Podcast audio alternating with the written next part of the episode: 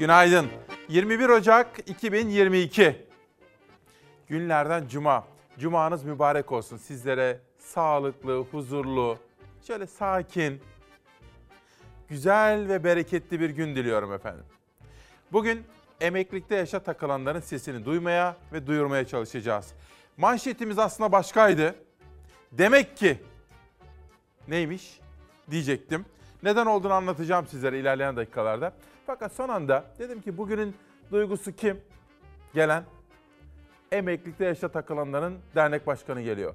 Hak mağduriyeti giderilsin dedim. Mesela çıraklıkla ilgili talepler var.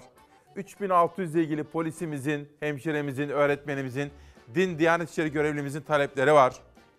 Her birini sizlerle birlikte paylaşacağım. Mesela emekliler. Cumhurbaşkanının haklı olarak muhtarlara asgari ücretten az maaş almanıza gönlüm razı değil sözleri. Peki emeklilerin 2500 lira maaş almasına gönlümüz razı olur mu hiç?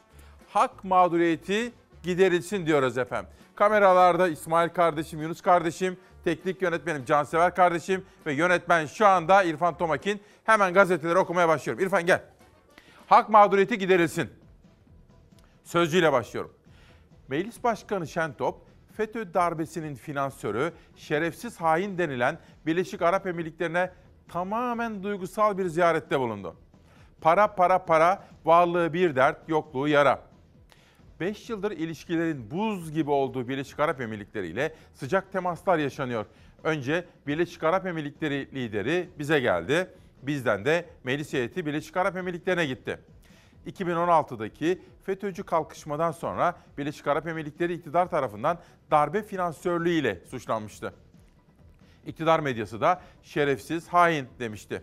Geçen Kasım'da Birleşik Arap Emirlikleri Veliaht Prensi El Nahyan'ın Türkiye'yi ziyaretiyle buzlar eridi. Para takası yani swap anlaşması yapıldı. Son olarak Meclis Başkanı Mustafa Şentop ve beraberindeki milletvekili heyeti ekonomik ilişkilerin ivme kazandığı Katar ve Birleşik Arap Emirlikleri turuna çıktı. Yenildi, içildi, geçmişteki gerilime sünger çekildi, dostluk ve güven tazelendi, ekonomik balayı sürüyor diyor. Fotoğraflara da bakarsanız Mustafa Şentop ve Birleşik Arap Emirlikleri'ndeki muhatapları arkada bizim uçaklarımızdan Türkiye Cumhuriyeti uçakları ve bir fotoğraf, hatıra fotoğrafı. Türkiye Birleşik Arap Emirlikleri Parlamentolar Arası Dostluk Kurumu'nda AKP'den iki, CHP, MHP ve İyi Parti'den birer milletvekili bulunuyor. Heyet Birleşik Arap Emirlikleri'nde bu fotoğrafı çektirdi diyor efendim. Hani mesela tamamen duygusal demiş ya sözcüğün editörleri. Eskiden şöyle yapardık. Tamamen duygusal derdik ya aklıma o geldi. Günaydın Türkiye. Havalar soğudu.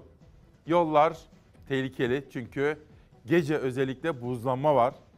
Çok tehlikeli. Dolayısıyla ilk haberimizi bir kaza haberiyle sizlere sunmak istiyorum ve sizlere uyarmak istiyorum. Lütfen bu soğuk havalarda, yolların da yağışlı olduğu bu zamanlarda trafik kurallarına, işaret ve işaretçilerine her zamankinden daha fazla dikkat edelim.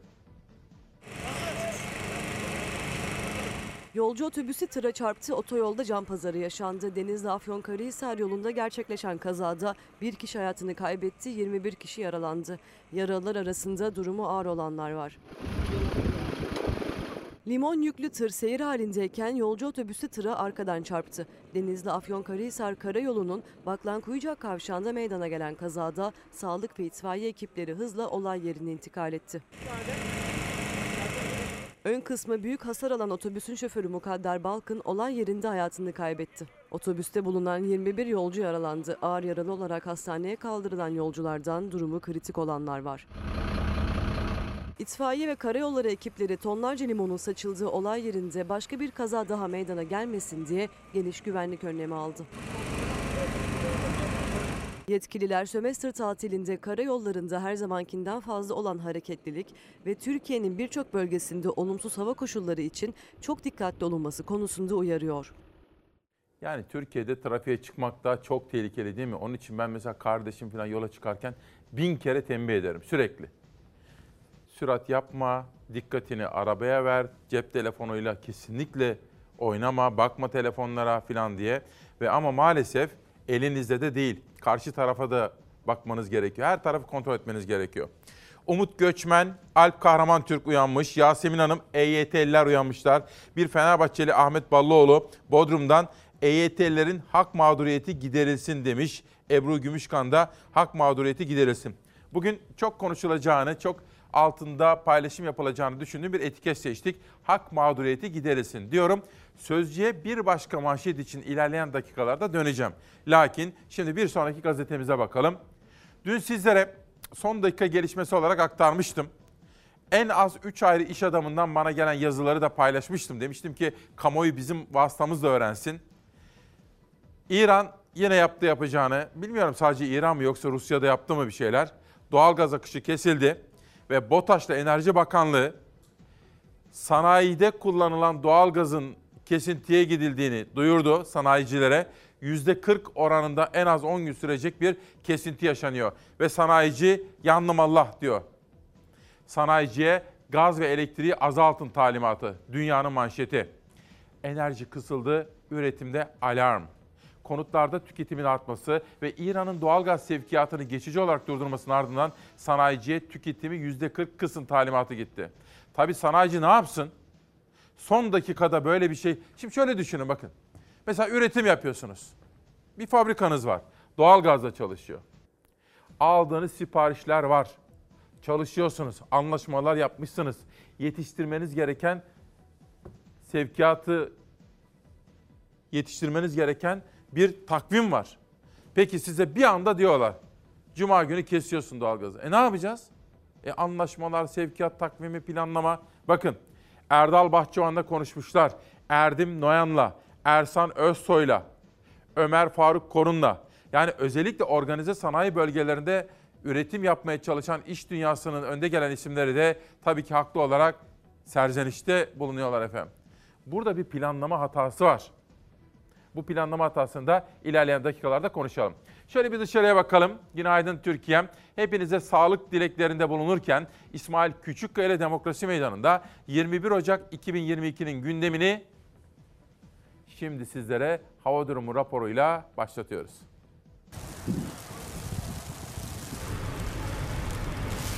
Marmara'ya, Ege'ye hatta Akdeniz'e kar geliyor. Hava dondurucu seviyelere kadar soğuyor. Yurdun doğusunda görmeye alışık olduğumuz dondurucu termometre değerleri bugün ve hafta sonundan itibaren yurdun batısında görülür olacak. Tedbir almak hayati önem taşıyor. Bugün gün Ege ve Marmara bölgelerinde yağışla başlayacak. Trakya sabah saatlerinde hafif kar yağışına uyanıyor bugün. Ege bölgesinde İzmir, Aydın, Muğla çevrelerinde kuvvetli sağanak yağmur var. Ancak saat saat soğuk hava dalgasının etkisi altına giriyor yurdun batısı. Öğle saatlerinde İç Ege'de, Marmara'nın güneyinde, Batı Karadeniz'de yağışlar kara dönüşmeye başlayacak. İstanbul'da öğleden sonra yağışlar kara dönüşecek.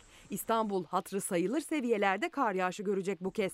İstanbul hemen hemen tüm ilçelerinde beyaz örtüyle de karşılaşacak. Anadolu yakasında ve İstanbul'un yüksek ilçelerinde kar kalınlığı cuma ve cumartesi günü toplamında 10 santimetreye kadar çıkabilir.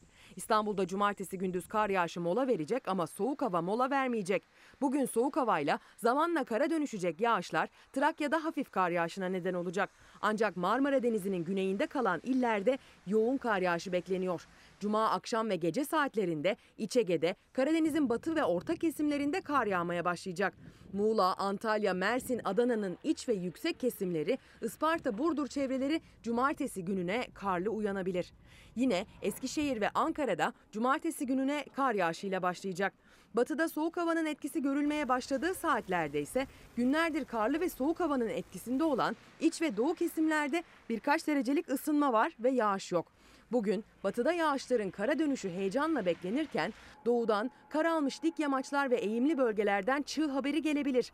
Kar erimeleri doğuda bugün mağduriyet yaratabilir. Cumartesi günü yeni soğuk sistemin etkisi iç ve doğu kesimlere kadar ulaşacak. Marmara'da yağışlar cumartesi günü hafifliyor, Trakya'da neredeyse tamamen etkisini kaybediyor. Ancak Orta Anadolu cumartesi pek çok bölgede yoğun kar yağışı alacak. İç Ege, İç Anadolu, Karadeniz ve Akdeniz bölgelerinde cumartesi günü yağışlar kuvvetli, kar yağışı yoğun. Akdeniz kıyılarında sel, su baskını, taşkın riskini tetikleyecek kuvvetli sağanaklar beklenirken iç kesimleri kar alacak.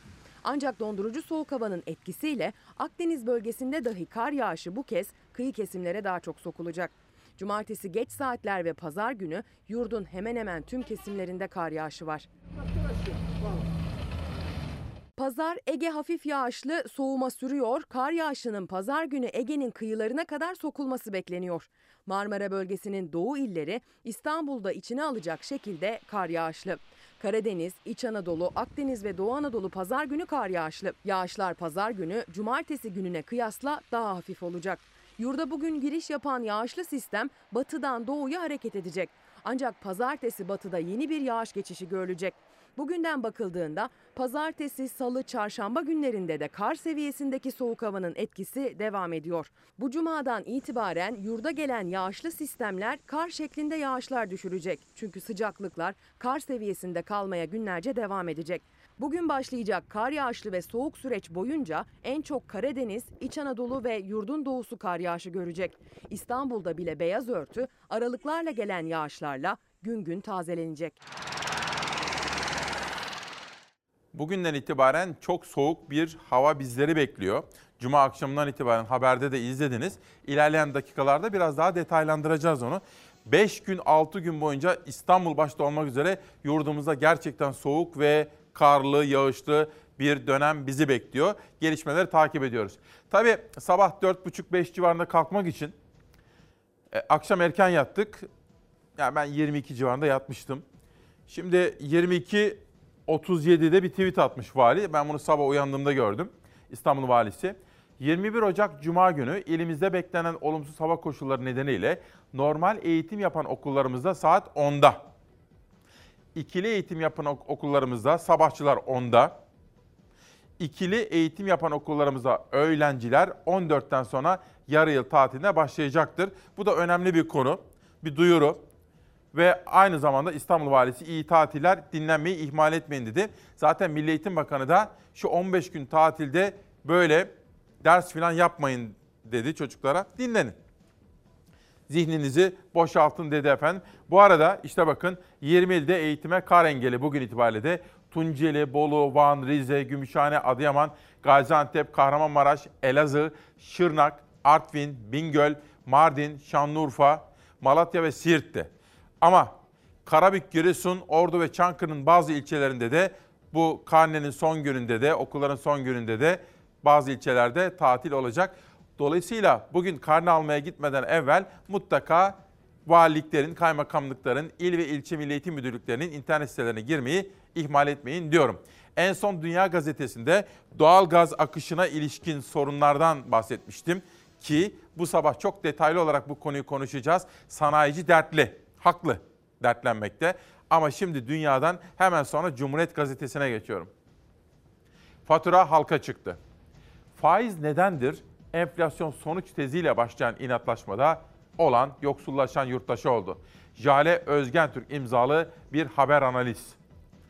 Enflasyon %19.58'den %36'ya çıktı bakın. Faizleri indireceğiz 19'dan 18'e. 18'den 17'ye, 14'e kadar. Fiilen indi mi? Gidin bankalara sorun.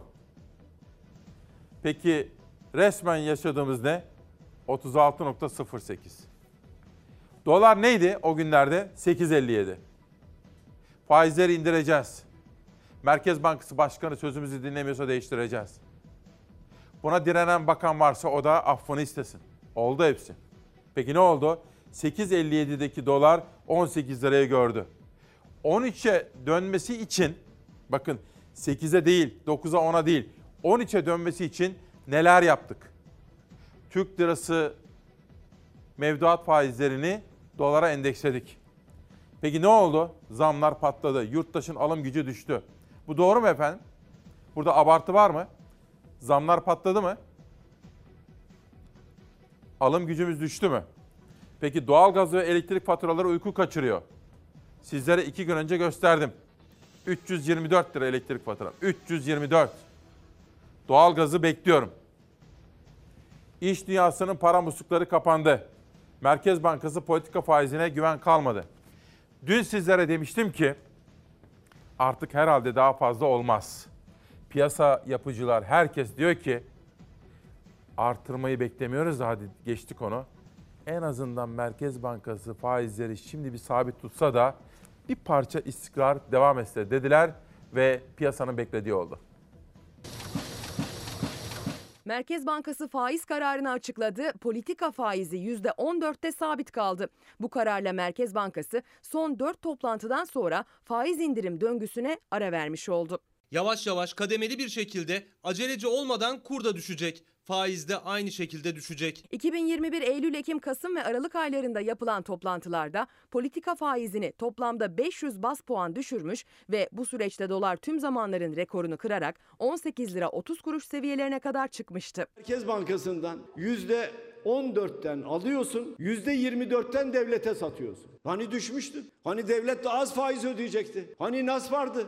Hani faiz haramdı? Dünkü karar öncesinde 13,43 seviyesinde olan dolar açıklamadan sonra bir miktar gerilese de sonrasında aynı seyre geri döndü. Sadece ve sadece Aralık ayında yaktıkları döviz 17 milyar dolar ya. Bir de ne diyor? Şampiyonlar Ligi'nden bahsediyor ya. Gizli gizli Merkez Bankası'nın arka kapısından döviz satıyorlar. Açıkça söyleseniz ya. Evet yeni program açıklıyoruz. Bu programı açıklarken de kur biraz düşsün diye döviz müdahalesi yapıyoruz diye açıklayın. Para Politikası Kurulu toplantısı sonrasında yapılan açıklamada %36,08'lik enflasyonun nedeni dövizin sağlıksız seyridir dendi. Enflasyonda yakın dönemde gözlenen yükselişte döviz piyasasında yaşanan sağlıksız fiyat oluşumlarına bağlı döviz kurlarına endeksli fiyatlama davranışları, küresel gıda ve tarımsal emtia fiyatlarındaki artışlar ile tedarik süreçlerindeki aksaklıklar gibi arz yönlü unsurlar ve talep gelişmeleri etkili olmaktadır. Faizde de artık düşüşler başladı. Bunu da aşağıya çekeceğiz. Bu da ekonomideki şartlara göre şekillenecek. Enflasyon %36'yı geçti. Böyle giderse 3 haneye de ulaşacaklar. Hem yurt içi faaliyetler hem de dış talebin olumlu etkisiyle gidişatın iyi olduğuna vurgu yaptı Para Politikaları Kurulu. Öngörü 2022 yılında cari işlemler dengesinin fazla vermesi. Dün bu yönde tahminlerde bulunmuştuk. Doktor Yusuf Er Yazgan. Hak mağduriyeti giderilsin. 5 hafta önce davulla zurnayla hekimlere zam yaptık dediniz. Şovunuzu yaptınız. Sonra erteledik. Sonra da gündemden çıktı dediniz. Bakın Doktor Yusuf Er Yazgan. Sayın Sağlık Bakanımıza, hükümetimize buradan seslenmek ve bunu hatırlatmak istiyorum. Ne oldu hakikaten? Bir başkası Nalan Hanım. Peki ne öğrendik diyor. Bu kadar faturayı niye ödedik diye soruyor faizlerle ilgili. Vallahi Nalan Hanım ben çok küçük yaşlarda öğrendim. İnatlaşmamak gerektiğini. Annemden babamdan en çok bunu öğrendim. Evladım inatlaşmayla bir yere varılamıyor demişti. Şunu da biliyorum ki iktisatçı değilim ama bir gazeteciyim. 30 yılım var bu meslekte. Piyasayla inatlaşma olmuyor. Hayır. Bunu kim denediyse başaramıyor. Piyasayla inatlaşma olmaz. Piyasanın kendi dinamikleri var, kendi mekanizması var. Ha Türkiye kapalı bir ülke olsa belki yaparsınız ama Türkiye dünyaya açık, entegre bir ülke. Dolayısıyla iç ve dış piyasa dinamikleriyle uyumlu olmayan kararlar ve beklentiler yerine gelmiyor efendim. İşte Nalan Hanım soruyor. İnatlaşma kötü bir şeydir. Hürriyet. Bu da desteklediğimiz, olumlu bulduğumuz adımlardan bir tanesi. Bu adım iyi ki atıldı. Türkiye-Ermenistan yakınlaşması. Ermeni toplumunun temsilcileri, akademisyenler, tarihçiler ve iş insanları Türkiye ile Ermenistan arasındaki normalleşme adımlarını hürriyete değerlendirdiler.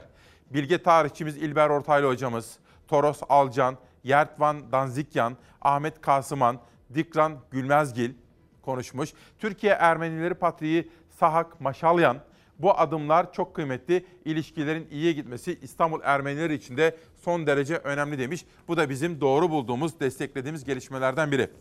Dün yine duyurduğumuz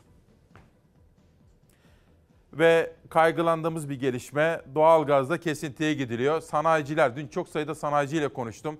Sanayiciler ne yapacağım ben diyor. Şimdi hakikaten mesela sırada bir sağlık haberi var da Tomakin hazırla sen onu. Şimdi haberi izlerken bir taraftan şunu düşünün lütfen. Diyelim bir organize sanayi bölgesinde fabrikanız var. Ne bileyim ne fabrikası varsa düşünün. Üretim yapıyorsunuz, anlaşmalarınız var. Diyelim 1000 kişi çalışıyor, hadi biraz büyük. Hadi diyelim 200 kişi çalışıyor. Peki anlaşma yapmışsınız, siparişleriniz var yetiştirilmesi gereken ve doğalgazla çalışıyor. Bir anda size diyor ki BOTAŞ ve Enerji Bakanlığı, dün duyurduğuma göre dün neydi? Çarşamba. Cuma günü kesiyorum doğalgazı diyor. Bu durumda O siparişleri ne yaparsınız? Fabrikada üretimi nasıl kesersiniz? Mecbur keseceksiniz de. Çünkü tehdit de var orada. Yapmazsanız ilgili sözleşmenin gerekleri yerine getirilecek. Peki bu işçiler bu karda, kışta, bu soğukta ne yapacak? Yani siz ne yapardınız diye bir düşünün. Özellikle otobüs, uçak gibi, tren gibi toplu taşıma araçlarında bulaş ve şehirden şehire taşınma anlamında ciddi risk içeriyor. Test vatandaşın inisiyatifine kaldı. Bir de iki haftalık sömestr tatili başladı. Şu anki test sayısıyla bile vaka tablosu korkuturken uzmanlar sömestr tatili için çok daha dikkatli olunması konusunda uyarıyor. Bu Şubat tatili periyodunda e, diğer Delta Delta Plus varyantın daha domine edeceğini yani daha az e, sayıda Delta Delta Plus daha çok omikron varyantıyla karşı karşıya kalacağımızı öngörüyoruz. Son 24 saatte 414.312 kişi test yaptırdı. Günlük vaka sayısı 72 bin seviyelerinde devam ediyor. Bir günde koronavirüs nedeniyle 166 kişi hayatını kaybetti. Türkiye'deki son durumu hatırlatma doz çağrısı yaparak ve tedbirlere dikkat edilmesinin önemine dikkat çekerek paylaştı Bakan Koca.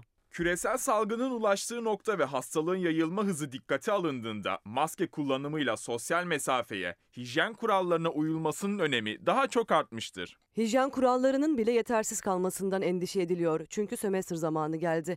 Toplu ulaşımda kalabalıklar kaçınılmaz. Bilim Kurulu üyesi Profesör Doktor Alper Şener özellikle toplu taşımayla seyahat edeceklerin dikkatle dinlemesi gereken tedbirlerin altını çizdi. Bindiğiniz aracın içerisinde e, kişisel korunma önlemlerinden hiç taviz vermeden maskeyi hiçbir şekilde çıkarmamak, özel durumlar dışında otobüsten ya da araçtan indiğiniz zaman dışında çıkarmak dışında e, kişilerle yan yana dururken e, sürekli takmak düşünülebilir. Omikron varyantının bulaşıcılığı da göz önüne alındığı zaman bu tip araçlarda da e, özellikle N95 tipindeki maskeleri kullanmak, standart cerrahi maskenin bu tip kapalı alanlardaki uzun dönem seyahatte yetersiz kaldığını artık e, biliyoruz. Profesör Şener'e göre sömestrde omikron Türkiye'de baskın varyant olmak için büyük bir fırsat yakalayacak ve pik yapacak. Kısa hesaplar ya da kısa dönem hesaplarda bakıldığı zaman da e, bu dönem içerisinde pik vakaya ulaşma potansiyelimiz yüksek. Pik vakaya ulaşma zaman dilimi içerisinde de bunu geciktirmek e, mümkün mü? Bu önlemlerle geciktirmek mümkün. Çünkü olabildiğince az kişinin enfekte olup olabildiğince az kişinin hastaneye yatmasını ve yoğun bakıma yatmasını istiyoruz. Hasta kitlesi arttıkça, yaşlı popülasyon daha fazla enfekte oldukça hastaneye yatış oranları ve yoğun bakıma yatış sayıları da artacaktır. Hemen hemen her gün hastalandığını duyduğumuz çok sayıda insanımız var. Takip ediyoruz. Vahap Seçer'in durumu iyi. Dün haberleştim kendisiyle. Mahmut Solak Subaşı o da koronaya yakalandı. Sesi böyle biraz az çıkıyordu ama iyi evde tedavisi devam ediyor. Gülnur Tutumoğlu hasta tedavisi evde devam ediyor. Bir başka izleyenim. Emekliyim. 319 lira elektrik faturası geldi diyor. Benimki gibi gelmiş. Demek ki evde bir de yengemiz vardır muhtemelen. Mesela ben tek başımaydım 324 lira düşünün. 319 lira elektrik faturası geldi emekliyim. 545 lira doğalgaz faturası geldi. Her gün benzine mazota zam geliyor diyor. Elektriği açamaz, doğalgazı kullanamaz duruma geldik diyor. Sonunda da bir cümlesi var ama ben canlı yayında o cümleyi tabii söylemeyeyim efendim. Kızgınlığını ifade etmiş emekli büyüğümüz. Bir gün rehber karın doyurmuyor. Öğrencileri tarikat yurtlarına muhtaç eden iktidar 5 yıldızlı otel gibi dediği KYK'lara manevi rehber yığıyor. Gençler koşullardan şikayetçi. Mustafa Bildirici'nin haberi. Bakalım neymiş? Öğrencilerin barınma sorununu tarikatlara havale eden AKP iktidarı, fiziki yetersizliklerle de gündeme gelen devlet yurtlarındaki manevi rehber sayısını 2 yılda %39 artırdı. Kapasitesi azaltılan KYK yurtlarında kalan öğrenciler iktidarın 5 yıldızlı otel konforundalar dediği yurtlarda yetersiz yemek ve hijyensizlikten şikayetçi. İstanbul'daki Bezmi Alem Valide Sultan yurdunda kalan bir öğrenci sabah 6 akşam 13 lira hakkımız var. Akşam et yemeği çıktığında 12 lira gidiyor. Yanına bir pilav, salata alayım desen üstüne para vermek zorundasın dedi. Hijyen sorununa dikkat çeken Ankara Cebeci Kız Yurdu'ndaki bir öğrenci ise pişmemiş yemeklerin kalitesizliğine dikkat çekti diyor efendim. Şimdi burada rakamlar var bakın.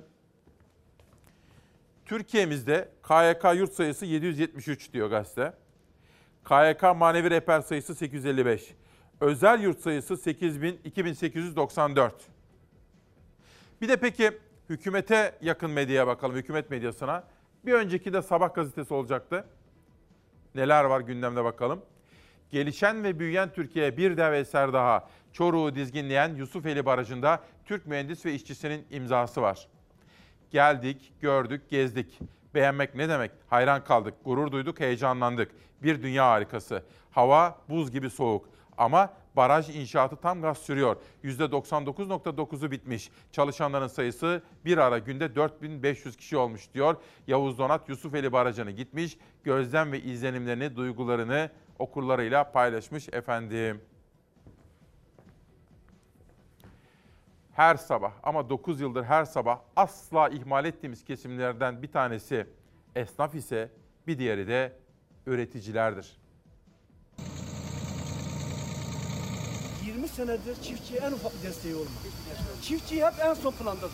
Baba 1540 lira maaş alıyor, oğlu 1700 lira prim ödüyor. Emekli olmuş çiftçi 1540 lira maaş alıyor. Çalışan oğlu 1700 lira Bağkur primi ödüyor. Daha doğrusu ödeyemiyor. Çiftçinin çalışanı da emeklisi de dertli. Gelecekte emekli olacağımı düşünemiyorum bu şartlarda. Bağ kurumu ödeyemiyorum. 1700 lira olan Bağkur'u ödeyemiyorum ben. Edirneli çiftçiler illerinin CHP'li vekili Okan Gaytancıoğlu'yla bir araya geldi. Çiftçi Bağkur'un aylık primlerinden ve emekli maaşlarının düşüklüğünden şikayet etti. Çiftçimiz emekli olmuş, 25 sene prim ödemiş, 1540 lira 2 yıldan beri maaş alıyor. Oğlu da çiftçi, oğlu da Bağkur primi ödüyor. Tam 1700 lira. Babam maaşı alacak, işte para ödeyeceğiz. Kendi parçamızı ödeyeceğiz. Çiftçi ürününü hasat edip sattıkça para kazanıyor. Aylık düzenli kazancı yok ki her ay 1700 lira prim ödesin. Değil aylık kazanç çiftçi artık binlerce dönüm tarla ekip süreçten borçlu da çıkabiliyor. Traktör satıp borç ödemek zorunda kalıyor. Ben de ilk iki dönem üç dönem. Nakide döndürdüm.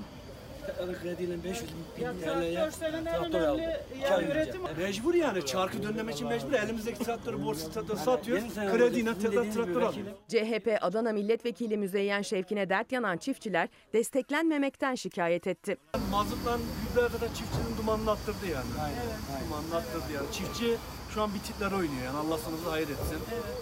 Yani devletten de herhangi bir destek gelmiyor. Zam üstüne zam, zam üstüne zam. Vaat edilen desteğin verilmemesinden, verilen desteğin yetersizliğinden şikayet eden üreticiler böyle giderse elinde ne var ne yoksa satmak zorunda kalacak. Seni artık ya evimizi satacağız, ya tarlamızı satacağız. Ya traktörümüzü satacağız. Yani borçlarımızı bir şekilde ödeyeceğiz. Zaten çiftçi de biterse ülkede de gıtlık başlar. Bakın şimdi Mersin'den Erdemli civarından bir çiftçi, İsmail abimiz diyelim. Şöyle göstereyim size, beraber okuyalım. Canlandıralım yani kafamızda bakın. İsmail Bey günaydın. Şimdi traktör ve iş makinesine mazot almaya gideceğim. Nasıl alacağım? Karttaki limit yeter mi bilemiyorum. Allah yardımcımız olsun. İşte durum tas tamam budur efendim. Durum tas tamam budur. Peki nasıl çözeceğiz diye de bir bakalım.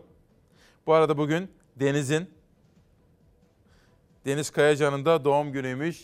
Ali Kayacan hocama da teşekkür ediyorum. Deniz'e de bütün sevdikleriyle mutlu bir yaş diliyorum efendim. Milli Gazete işte bakın sorun. Demek ki tek sorun dolar değilmiş. Türkiye'deki ekonomik kriz her geçen gün daha da derinden hissedilirken üst üste gelen zamlar akaryakıtın, lit, akaryakıtın litre fiyatını doların üstüne çıkardı. Mağduriyet zirve yaptı. Akaryakıt doları geçti diyor. Bakın şöyle bir canlandıralım. Şimdi bugün 21'i değil mi? Bir ay önceye gidelim. 20 Aralık. Dolar 18.36. Dolar 18.36 lira iken benzin 11.60. Peki doların 13 lira civarına indiği zaman ne olması gerekir? Düz mantık, Aristo mantığı. 20 Aralık'tan 1 Ocağı geldiğim zaman dolar 13.34. Benzin bakın 11.60'tan 12.90'a çıkmış. Ters giden bir şeyler olmalı mı? Bakalım. Bu defa 20 Ocak yani dün dolar 13.32, benzin 14.04. İşte bütün bunları düşünmemiz, sorgulamamız gerekmekte efendim. Günaydın Türkiye'm. Bugün İsmail Küçükkaya Demokrasi Meydanı'nda hak mağduriyeti giderilsin dedik. Biraz sonra emeklilikte yaşa takılanların dernek başkanı Gönül Hanım bizimle olacak. Ve sadece emeklilikte yaşa takılanlar değil, çıraklar, emekliler. Mesela emekliler demişken Cumhurbaşkanımız çok haklı bir şekilde muhtarlara dedi ki Cumhurbaşkanlığı Külliyesi'nde sizlerin muhtar olarak asgari ücretin altında maaş almanıza gönlümüz el vermiyor dedi. Çok doğruydu. Ama Allah aşkınıza söyleyin. Sayın Cumhurbaşkanımızın, hükümetimizin ve bizim emeklilerimizin 2500 lira maaş almasına gönlümüz razı geliyor mu?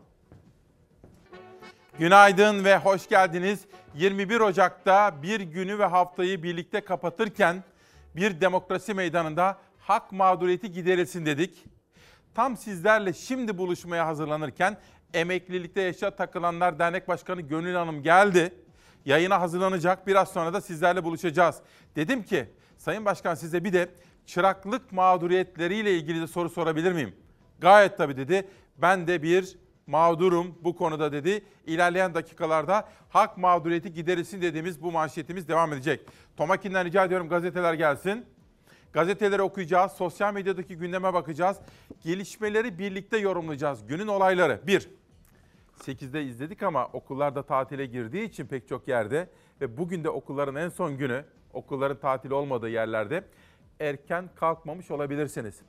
Merkez Bankası faizleri sabit tuttu. Peki biz bu faturayı neden ödedik diye sorular vardı. Ayrıca Sözcü gazetesinde manşet vardı. Birleşik Arap Emirlikleri'ne gitmiş meclis başkanı. Günün önemli konularından birisi buydu.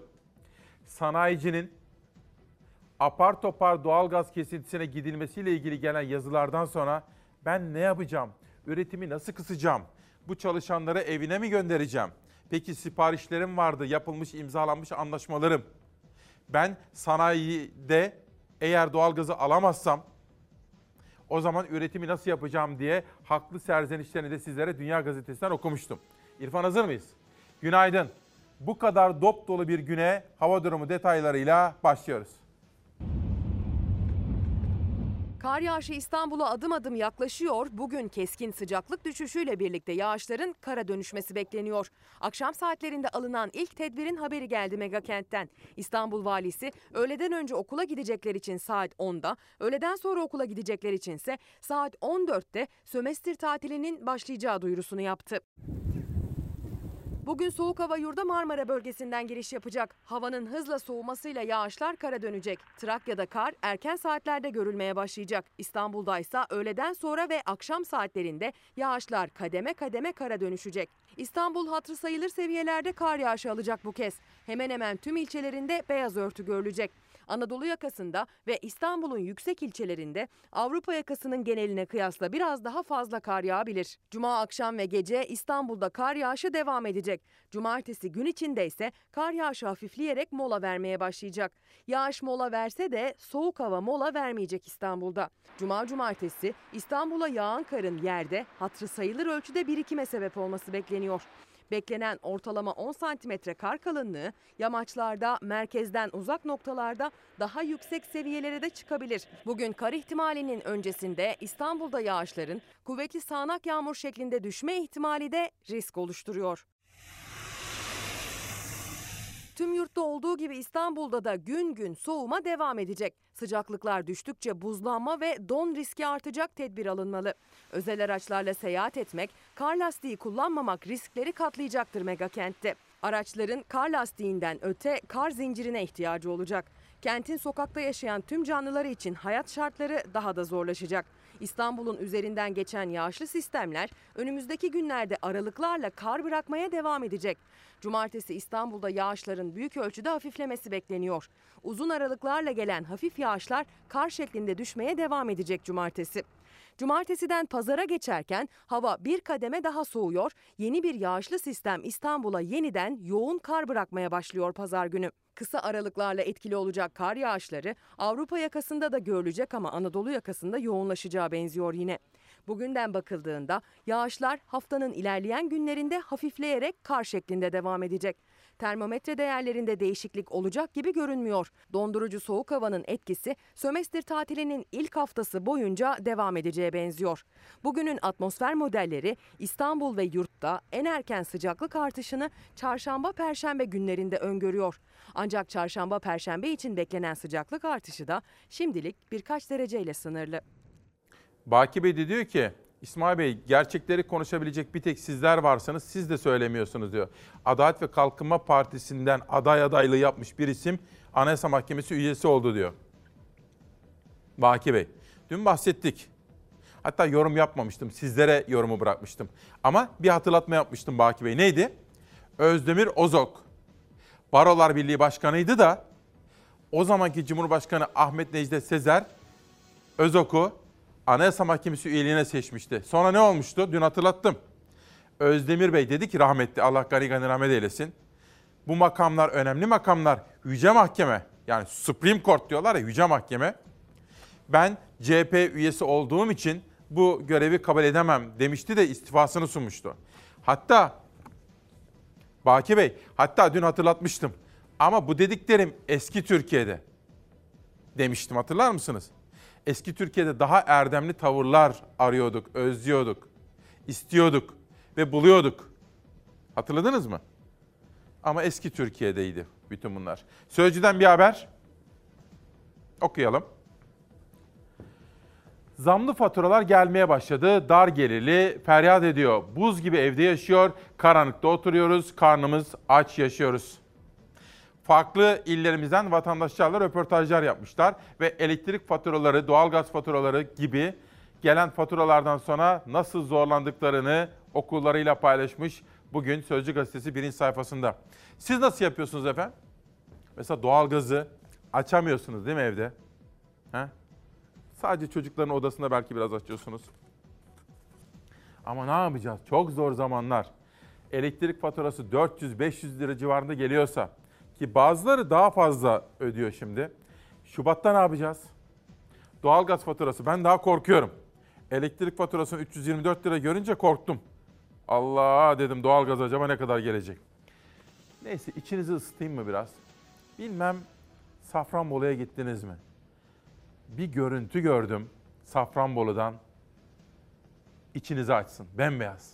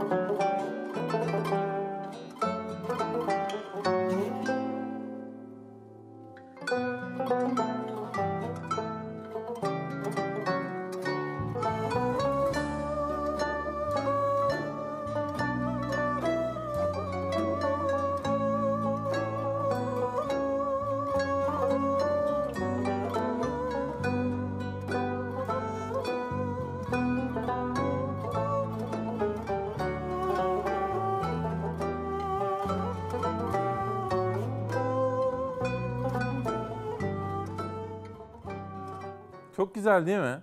Böyle masal gibi. Bizim reji de çok etkilendi. Gelen mesajlara bakalım.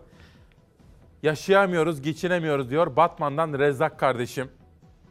Ümit Eraslan, hani bundan milyonlarca metreküp gaz vardı, ikide bir müjde veriyorlardı. Nerede? Bırakın gaz getirmeyi, gaz çıkarmasını bir taraftan da sanayicinin gazı kesiliyor diyor. Ümit Eraslan, Rezzak Bey Batman'dan. Bu arada bugün çok kıymetli bir insandı. Gerçekten ülkesini çok seven, hem milli değerlere, manevi değerlere, evrensel değerlere çok saygılı bir isimdi. Mustafa Koç'u da ölüm yıl döneminde özlemle, rahmetle anıyorum efendim. Mustafa Koç'u. Sözcüden pencereye geçelim. Aynı zamanda bir çevre dostuydu. Yani anlat, anlatılamaz gerçekten. Şahsen de tanıdığım için onur duyduğum, çok erken yaşta yitirdiğimiz için çok üzüntü içinde olduğum bir insandı. O zaman taziyeye gittiğim zaman sizlere gözlemlerimi anlatmıştım. Yani bir ülkenin manevi değerleriyle, milli değerleriyle ama aynı zamanda evrensel değerlerle, insani değerlerle bu kadar mı uyumlu olurdu her bir detay. Taziyesine gitmiştim de Çiğdem Simavi'ye, Ali Koç'a. Allah gani gani rahmet eylesin diyorum ve gazetelere pencereyle devam edeceğim. Dün sizlere duyurmuştum, özel haber demiştim.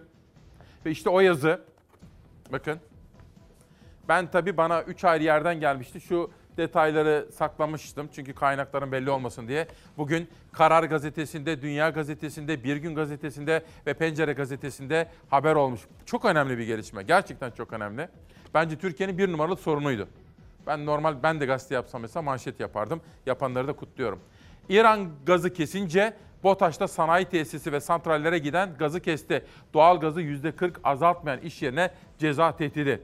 Tabii Dünya Gazetesi'nde Bahçıvan'ın da sözleri vardı. Onun dışında çok sayıda organize sanayi bölgesi yetkilisinin de bu konudaki kaygıları, şikayetleri, sistemleri manşet olmuştu. Bakın İSO Başkanı kabul edilemez bulduğunu duyurmuş efendim. Dün burada, tam da burada çok kıymetli bir bilim insanı vardı. Serap Şimşek Yavuz hocamız vardı. Kendisine son zamanlardaki test kuyrukları ve bu kuyrukları ortadan kaldırmaya yönelik bilim kurulunun aldığı kararlar şeklinde sorular sordum. Ama bir şey öğrendik. Dün programdan sonra beni Sedat Ergin aradı, Hürriyet Gazetesi yazarı. Dün de bugün de yazmış bu konuları. Annesi Neriman Hanım ona demiş ki, Sedat demiş, oğlum İsmail Küçükkaya senin sorununu Serap Hoca'ya sordu demiş. Bir kere daha gündem oldu ki, ben de yeni öğrenmiş oldum. Meğerse o karar bilim kurulunun kararı değilmiş. Neden bu kararı aldı? Çünkü gerçekten ciddi bir sıkışıklık var hastaneler. Kuyruklar var. Kuyruklar var. O karar bilim kurulunun kararı değil. Değil mi? Değil, hayır. Yani orada bir karışıklık oldu. O karar e, Sağlık Bakanlığı'nın kararı. Aşısızlara test zorunluluğunun kaldırılması kararının hem sebebini hem de kararı kimin aldığını çok net açıkladı Bilim Kurulu üyesi Serap Şimşek Yavuz. Kararı Sağlık Bakanlığı'nın aldığını söyledi. Üstelik vaka sayıları tırmanışa geçmeden Bilim Kurulu toplantısında uyarılarda bulunduklarını da anlattı. Omikron'da bu öngörülüyordu. Bilim kurulu da aynı şekilde. Bu iş patlayacak Evet. ve hazırlığımızı yapmamız gerekiyor dedik. Mesela test kapasitenizi artırın, işte eleman artırın, malzemenizi stoklayın, yoğun bakım yataklarınızı gözden geçirin. Çünkü toplumumuzun yaş oranı belli. Fakat burada bir şey olmadı. Yani öyle bir hazırlık Gerekli olmayınca. hazırlığı yapmadık. Evet. Bilim Kurulu üyesi Profesör Doktor Serap Şimşek Yavuz, Çalar Saat'te İsmail Küçükkaya'nın konuğuydu. Çok daha bulaşıcı olan omikron varyantı Türkiye'de görüldüğü andan itibaren uzmanların Sağlık Bakanlığı'na uyarılarını ilettiğini söyledi. Ancak Yavuz'un iddiasına göre ne test kapasiteleri artırıldı ne de malzeme yani kit stoklandı. Kuyruklar uzayınca da bakanlık formül olarak test zorunluluğunu kaldırmayı seçti. Hastaneler taştı gerçekten. Ben bizim hastanede ilk defa böyle bir kuyruk gördüm. İnanılmaz hastanenin dışına giden kuyruklar. Test kuyruğu. Test kuyruğu. İnsanlar benim kendi ablam 3 saat bekledi. Kuyrukları kaldırmanın yolu e, testi kaldırmak değil. Böyle bir uygulama yok. Çünkü bilimsel de değil. E, özel hastanelerde bakılabilir ama özel hastaneler bu işlemi ücretli olarak yapıyor. Eğer özel hastanelerde de yapılacaksa bu ücretsiz olarak yapılmalıdır. Veya da kentin çeşitli merkezlerinde aşı ve test yerleri açılabilir. Türk Tabipleri Birliği'ne göre özel hastanelerde testin ücretsiz yapılması dahil kuyrukları kısaltacak pek çok formül daha vardı. Ancak Sağlık Bakanlığı test sayısını azaltmayı tercih etti. Dünyada da böyle bir uygulama yok. Tüm dünya aşağı yukarı hızlı antijen uygulamasına geçti. Bu şekilde test yöntemini değiştirdi. Türkiye ise ısrarla buna geçmedi. Ee, ve bunu daha sonradan e, PCR testlerini e, ortadan kaldırarak çözmeye çalıştılar. Kayıtlara geçenler, kendi isteğiyle test yaptırmaya gidenler.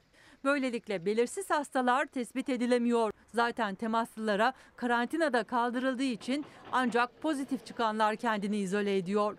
Hız kesmek bir yana gittikçe yayılan salgın nedeniyle Türk Tabipleri Birliği'nden istifa çağrısı geldi. Bu durumda bilim kurulunun herhangi bir anlamı yok. Böyle bir kararı üstlenmiyorsa e, istifa edebilir. Bilim kurulunun almadığı bir kararı alınmış gibi gösterdiği için bence Sağlık Bakanı da istifa etmelidir. Şimdi dünün manşeti de buydu. O karar bilim kurulunun kararı değilmiş.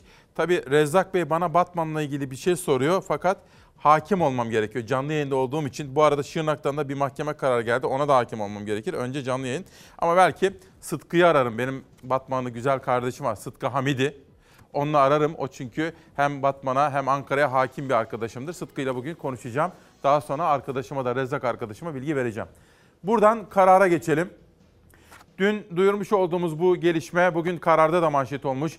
2001'den bu yana her kış aynı sorun yaşanıyor. BOTAŞ teknik arıza var. Tahran 10 gün gaz vermeyecek duyurusu yaptı. Vana'daki krizin fabrika gazında %40 kesintiye yol açacağını belirten sanayiciler üretimi vurur, işsizliği ve enflasyonu artırır dedi. Uzmanlar asıl sorunun tedarikteki planlama hatası olduğunu belirtti. 20 yıldır aynı sorun yaşanıyor. Çözüm Azeri gazının da sisteme dahil edilmesi dedi. Bu konu önemli bir konu. Hakikaten sanayici dertli ne yapsın? Bugün mesela Dilek Güngör acem işi demiş bakın. Hemen hemen her yıl İran'dan böyle bir haber gelir. Ya boru patlar, ya kompresör istasyonu bozulur, ya Doğu Beyazıt'taki filtrelerde sorun olur. Bu defa da teknik arıza bildirimi yaptılar diyor. Acem işi ünlem. Ama peki bizim devletimiz, BOTAŞ'ımız, Enerji Bakanlığımız, Sanayi Bakanlığımız acaba bu konularda bir B planı, bir C planı hazırladılar mı?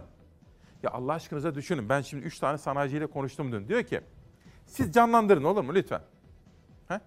Yapar mıyız? Tamam. Sizin bir sanayi tesisiniz var. Organize sanayi bölgesinde. Doğal gazla üretim yapıyorsunuz. Fabrikanız doğal gazla çalışıyor. Çarşambaya kadar geldiniz. 19 Ocak çarşamba. Gece yarısı size bir yazı ya da gündüz diyelim hadi mesai saatinde olsun. Çarşamba günü olsun. Size desinler ki cuma günü doğal gazı kesiyoruz yüzde 40. E sizin üretiminiz var, anlaşmalarınız var, yetiştirmeniz gereken siparişleriniz, yerine getirmeniz gereken taahhütleriniz var. Ya böyle bir şey olabilir mi Allah aşkınıza? Öngörülebilirlik ne demek? Gerekli tedbirleri almak ne demek? Belirli bir süre içerisinde uygulama istemek. Ya bütün bunları da düşünmemiz gerekir. Bir de apartman görevlilerinin derdi var efendim. Şimdi sıra onda. Apartman görevlileri sayıca çok. 1 milyonun üzerinde apartman görevlisi var. Eşleri, aileleri. Yalnız bunların sorun ve sıkıntıları da had safhaya gelmiş bulunmakta. Mevcut bir kanunları yok. Koruyan kollayan yasaları yok. Herhangi bir iş tanımı yok. Bir meslek standardı yok. Her işi yapmak zorunda bırakılıyorlar. Ve seslerini duyuramıyorlardı. Tek başlarına çalıştıkları için. Şimdi apartman görevlileri daha önce biliyorsunuz basında da yer aldı. Ee, geçen ayda Kayseri'de bir meslektaşımız asansör e, binasında asansör e, katında düşerek vefat etti, yaşamını yitirdi. Yine Konya'da bir meslektaşımız arabası çizilen bir daire sakini tarafından bıçaklanarak öldürüldü. Apartmanlarda yasa ve kanun olmadığı için, tüzel kişilikleri de olu- oluşup da de- e, denetlenmediği için işte arkadaşlarımız bu tip ma- şeylere maruz kalıyor. Biz de bunu engellemek adına, bu insanların sözcüsü olmak adına, dile getirmek adına sendikamızı kurduk. Onlarla birlikte hareket ederek inşallah yasalarını da çıkartma yolunda her türlü adımı atıyoruz. Emekçilerin her zaman yanındayız. Bu arada emekçi demişken evlerimizde yardımcı olanlar var. Gerek Türkiye'den, gerek mesela başka ülkelerden, ne bileyim Azerbaycan'dan olsun, Türkmenistan'dan olsun, Özbekistan'dan olsun, nereden olursa olsun, ta Filipinler'den olsun. Emekçilere de emekleri için içtenlikle teşekkür ediyoruz efendim.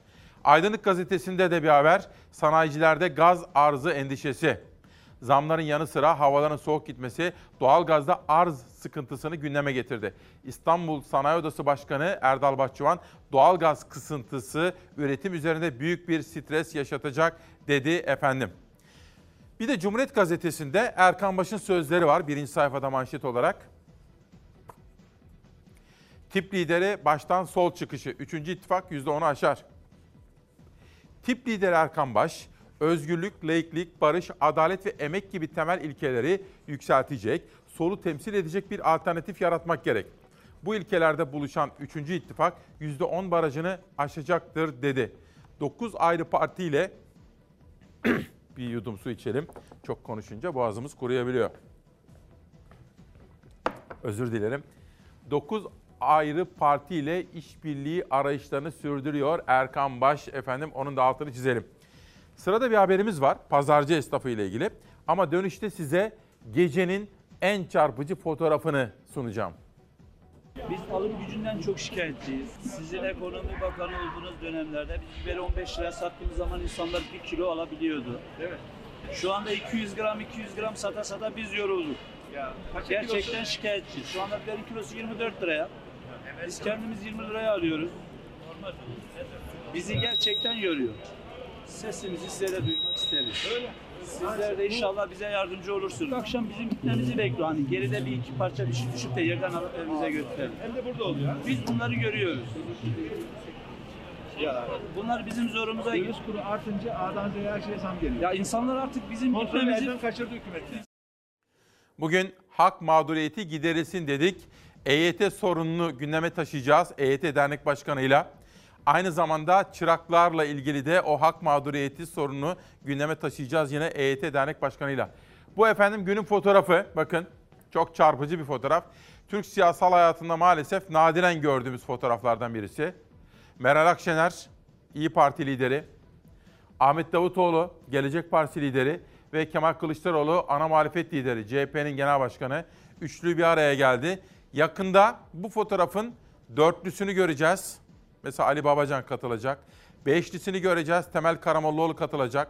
Altılısını göreceğiz. Gültekin Uysal katılacak. Yakında en az 6 partili 6 partinin liderinin de yer aldığı böyle bir fotoğrafı göreceğiz efendim. Onun da altını şimdiden çizmiş olalım. Dünyaya da bakalım efendim? Dünyada ne oluyor? Geçtiğimiz hafta başında Aslı Aydın Taşbaş buraya gelmişti. Hatta sonra Kazakistan'ın Ankara Büyükelçisi de gelmişti. Biraz Kafkaslara da bakmamız gerekiyor. Çünkü dünya televizyonlarına baktığımız zaman Ukrayna krizinin büyüdüğünü ve Aslı Aydın Taşbaş'ın bizlere hatırlattığı gibi dün Joe Biden da söyledi. Korkarım ki dedi Putin bir çılgınlık peşinde. Putin yakında Ukrayna'yı işgal edebilir. Eğer bu çılgınlığı yaparsa biz de gerekeni yaparız dedi Joe Biden. Ama aynı zamanda İngiltere ile Amerika Birleşik Devletleri Putin'i Ukrayna konusunda uyarıyor bakın. Başlıklar bu şekilde. Ve başka gazetelerde de, yabancı gazetelerde de Ukrayna krizinin Amerika ile Avrupa'yı yeniden yaklaştırdığını yazıyor dünyanın gazeteleri. Ukrayna sınırına yığdıkları askeri gücü kullanırlarsa bu Rusya için felaket olur. Biden bir kez daha Putin'i tehdit etti. Ukrayna'ya karşı olası bir harekatın bedeli bu kez çok sert olur dedi. Amerika Birleşik Devletleri Dışişleri Bakanı Blinken Ukraynalı mevkidaşı Kuleba ile görüştü. Blinken Ukrayna'ya Moskova'nın sizi bölmesine izin vermeyin dedi. Rusya Ukrayna hattında 100 bin asker yığdı. Kara kuvvetlerinin ekipmanlarının konuşlandırıldığı bölge uydu görüntüleriyle ortaya çıktı. Rusya-Ukrayna hattında ipler her zamankinden daha fazla gerildi. Avrupa Rusya'dan gerilimi azaltmasını isterken Amerika Birleşik Devletleri sert tutumuna devam ediyor. Başkan Biden Rusya'nın Ukrayna'yı işgal edeceğinden eminim dedi. Daha önceki işgali hatırlatarak bu kez bedeli çok ağır olur dedi. Bu Rusya için çocuk oyuncağı. Askeri olarak ezici bir üstünlüğe sahipler. Eğer böyle bir hareket yaparlarsa kısa, orta ve uzun vadede çok sert bir bedel öderler. Amerika Birleşik Devletleri Dışişleri Bakanı Blinken Ukrayna'daydı. Mevkidaşı Kuleba ile görüştü. Kuleba, Putin bizi sadece silahla değil ekonomik açıdan da tehdit ediyor dedi. Blinken Ukrayna'ya desteğimiz tam diyerek Moskova'nın sizi bölmesine izin vermeyin dedi. Rus lider Putin de temaslarını hızlandırdı. İran Cumhurbaşkanı İbrahim Reisi'yi Kremlin Sarayı'nda ağırladı. Cumhurbaşkanı reisi görüşmede Amerika Birleşik Devletleri'nin yaptırımlarına 40 yıldır direniyoruz dedi. Toplantıda Rusya-İran dayanışması vurgulandı. Dünyadaki gelişmeleri Beyza Gözeyik takip ediyor efendim. İçerideki gelişmeleri Ezgi Gözeger takip ediyor. Zeray bugün bir seyahate gidiyor. Bir hafta o ama güzel bir seyahate gidiyor. O bugün yok. Zafer Söken evladı küçük bir rahatsızlık geçirdi. Çocuklarda çok olur. Ege hastanede ama gayet yolunda. Bugün Zafer de yok. Gündem çalışmamızda Nihal Kemaloğlu ile birlikte yaptık. Kameralarda burada Yunus var. Yunus kardeşim. Yunus derken ayrı bir şey var değil mi? Ben rahmetli babamın adını da taşıdığı için. İsmail kardeşim orada Erzincanlı ve rejideki arkadaşlarıma İrfan Tomakin ve bütün ekibimize, sosyal medya ekibimize, Ankara İstanbul ekibimize, sesçimiz Mithat'a, Fox'un bütün ekibine, emektarlarına çok teşekkür ediyorum. Fox şu son 10 yıldaki demokrasiye olan katkılarıyla ülkemize büyük hizmetler veriyor efendim. İyi ki Fox var. Yani her gün bunu söylüyorum. Kafkasya'da Rus yayılmacılığı ve 1801'den günümüze Türk-Gürcü ilişkileri. Bakın Sırkı Yılmaz Kuşkay'ın yeni çıkan kitabı Kafkaslar önemli. Bu arada Ayhan Bey maaşlara yapılan zamlar piyasa zamlarının yarısını karşılamadı. Yeni bir güne uyandığımızı unutmayalım derken Ha, bir arkadaşım da Galatasaray konusundaki görüşlerini anlatıyor. Galatasaray dün yenildi. Ve tribünler Burak Elmas yönetimine tepki gösteriyorlardı. 3-1'lik Kasımpaşa'nın hak ettiğini söylüyor bütün spor yorumcuları. Tabi Burak Elmas zor bir karar verdi. Aa, bugün Elif Ergu yazmış, daha doğrusu röportaj yapmış onunla. Bahsedeyim bir parça ondan. Ben beni aradığında da söylemiştim. Dedim ki Avrupa'da bu kadar başarılı bir teknik direktörü yani 10 dakikalık bir röportajla, röportaj demeyelim 10 dakikalık bir görüşmenin sonunda yolları ayırmak çok zor bir karar demiştim. Anlatmıştı nedenini filan. Ama bilmiyorum Burak Elmas için zor bir dönem yaşanıyor. Elif Ergu'dan o röportajdan bahsedeceğim. Oksijen'de bugün konuşmuş. Bugün Orkun Özgül kardeşim böyle bir gazete çizdi. Dün duyurmuş olduğumuz doğalgazda kısıtlama haberi. BOTAŞ'ın sanayiciye göndermiş olduğu o yazı, bakın kamuoyu bizden öğrendi bunu. Gayet tabii ki sanayiciler haklı olarak tepkililer. Biz ne yapacağız şimdi diye soruyorlar. İşte Türkiye'nin gerçek gündemi bu. Türkiye'nin en büyük doğalgaz tedarikçilerinden biri İran, 20 Ocak 2022 tarihi itibariyle teknik arıza gerekçesiyle Türkiye'ye gaz arzını 10 gün süreyle durdurdu. Türkiye'ye sağlanan gazın teslimat basıncı ve miktarı 17 Ocak itibariyle azalmaya başlamıştı. Gaz alımı günlük kontrat miktarının yaklaşık üçte biri seviyesine kadar düştü. BOTAŞ, İran doğalgaz hattındaki kesinti sebebiyle sanayide ve elektrik santrallerinde kısıtlama olacağını duyurdu. Havanın normalden çok daha soğuk olduğu günlerde enerji sarfının tavan yaptığı dönemde gelen arıza haberi endişe yarattı. BOTAŞ evlerde kullanılan doğalgazın kesilmemesi için önlem alındığını söyledi. Kısıtlama sanayiye ve elektrik santrallerine yansıyacak. Arızaya bağlı kesinti haberini değerlendiren İstanbul Sanayi Odası, üretim üzerinde büyük bir stres oluşabilir dedi. Ege Bölgesi Sanayi Odası ise üretimde kayıplara sebep olacak yorumunda bulundu. Son aylarda başta doğalgaz olmak üzere enerjideki maliyet artışlarının büyük bir bölümü zaten sanayici tarafından fedakar bir şekilde karşılanmaktadır. Bu maliyet bedeline şimdi de arz üzerinden bir bedel ödetilmesi kabul edilemez. BOTAŞ arıza haberi öncesinde sanayi çevrelerine yazı göndermiş, kış nedeniyle doğalgaz talebinin artışına bağlı olarak günlük çekiş miktarının sınırlandırıldığını duyurmuştu. Üretimde tek bir gündeki kesinti sistemi bozarken bu durumun 10 gün sürecek olması reel sektörde tüm dengeleri bozacaktır. Kuşkusuz bu ekonomiye de olumsuz yansıyacaktır. Bu önemli konuyu da takip ediyorum. Bu arada Emeklilikte Yaşa Takılanlar Dernek Başkanı geldi. Yayına hazır hale geldi. Sizlerle buluşturacağım efendim. Ama şu Elif Ergun'un Burak Elmas röportajından bahsedeceğim Oksijen'den. Deli İbrahim Divanı Ahmet Büke'nin romanı. Bürokrant, köleleşmiş ünvanlar Faruk Çebi'nin kitabı. Şimdi bugün Oksijen'de benim hem Fatih Hoca'ya söylemiştim hem de Burak Elmas'ı şöyle bir göstereyim önce. Bakayım. Reklam falan yok değil mi? İyi. Sonra aman neme lazım ceza falan yemeyelim de. Bakın. Şimdi burada Elif müthiş bir soru sormuş. Tabii Burak Elmas anlatmış. Tabii şu zor. Ben kendisine de söyledim. Fatih Terim gibi bir hocayı Avrupa'da daha namalup ve lider çıkmışsın. Daha Belki de Avrupa şampiyonu olacak. Ki geçmişte UEFA şampiyonluğu kazandırmış bir hoca. Çok zor bir karar sizinki dedim. Anlattı kendince. Planlarımız vardı, projelerimiz yürümedi dedi. Elif Ergü şöyle bir soru sormuş bakın kalemi de alayım mı?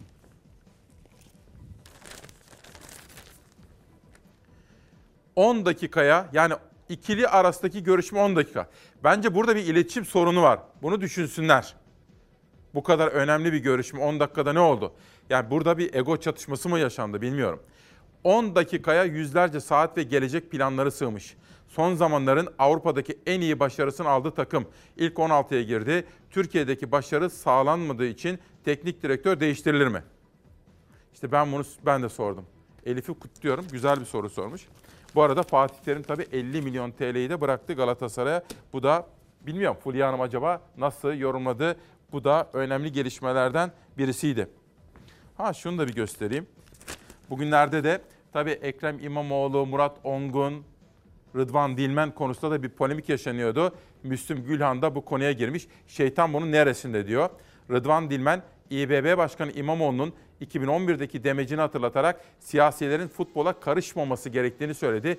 Peki kariyeri boyunca siyasetten beslenen birinin bunu söylemesi ne kadar doğru demiş efendim. Size bir soru sorabilir miyim? Rıdvan Dilmen'in hayatta en yakın olduğu siyasetçi ya da siyasetçi yakını kimdir? Hadi bakalım sporla ilgilenenler bunu bana yazsınlar. Müsaade ederseniz bir fincan sade kahvemi alacağım elime ve EYT Başkanı da alıp huzurlarınıza biraz sonra döneceğim. 21 Ocak 2022 Cuma gününde İsmail Küçükkaya ile Mavi Bir Sabah'ta hoş geldiniz. Günaydın diyorum efendim. Her şeyden önce sağlık dileklerinde bulunuyorum. Türkiye Cumhuriyeti'nde cezaevlerinde olup da sevdikleriyle kavuşmayı bekleyenlere bir selam söyleyelim. Allah kurtarsın diyelim. Yurt dışında olup da memleket hasreti çekenlere bir selam verelim. Merhaba diyelim memleket severlere ve işte şimdi hak mağduriyeti giderilsin. EYT Başkanı'ndan yola çıkarak bu manşeti seçtik. Sosyal medyanın gündemine şöyle bir bakalım. Acaba dünden bu sabah gündem nasıl yansıdı? Merkez Bankası faizi sabit tuttu. Piyasadakiler, piyasa oyuncuları bunu bekliyorlardı. Daha fazla inatlaşma olmasın piyasalarla. Herkes bir parça rahat nefes almak istiyordu. Şöyle bir en azından sabit kalsın bir süre her şey diyorlardı. Ve faiz %14'te sabit kaldı Merkez Bankası'nın aldığı karar ile. Mahfiye İlmez eleştirdi. Hani faizi indirerek kur yükseltecektik de ihracat artacak, cari açık düşecek. Sonra da enflasyon inecekti. Yine model mi değişti ne oldu? Niye indirmedik faizi diye bir manşet attı. Durmuş Yılmaz, enflasyonun nedeni faiz değil miydi? %50'ye yaklaşan enflasyonu düşürmek için faizin düşmesi gerekmiyor muydu? Demek ki neymiş? Enflasyonu düşürmek için Türk lirasının itibarını korumak gerekiyormuş.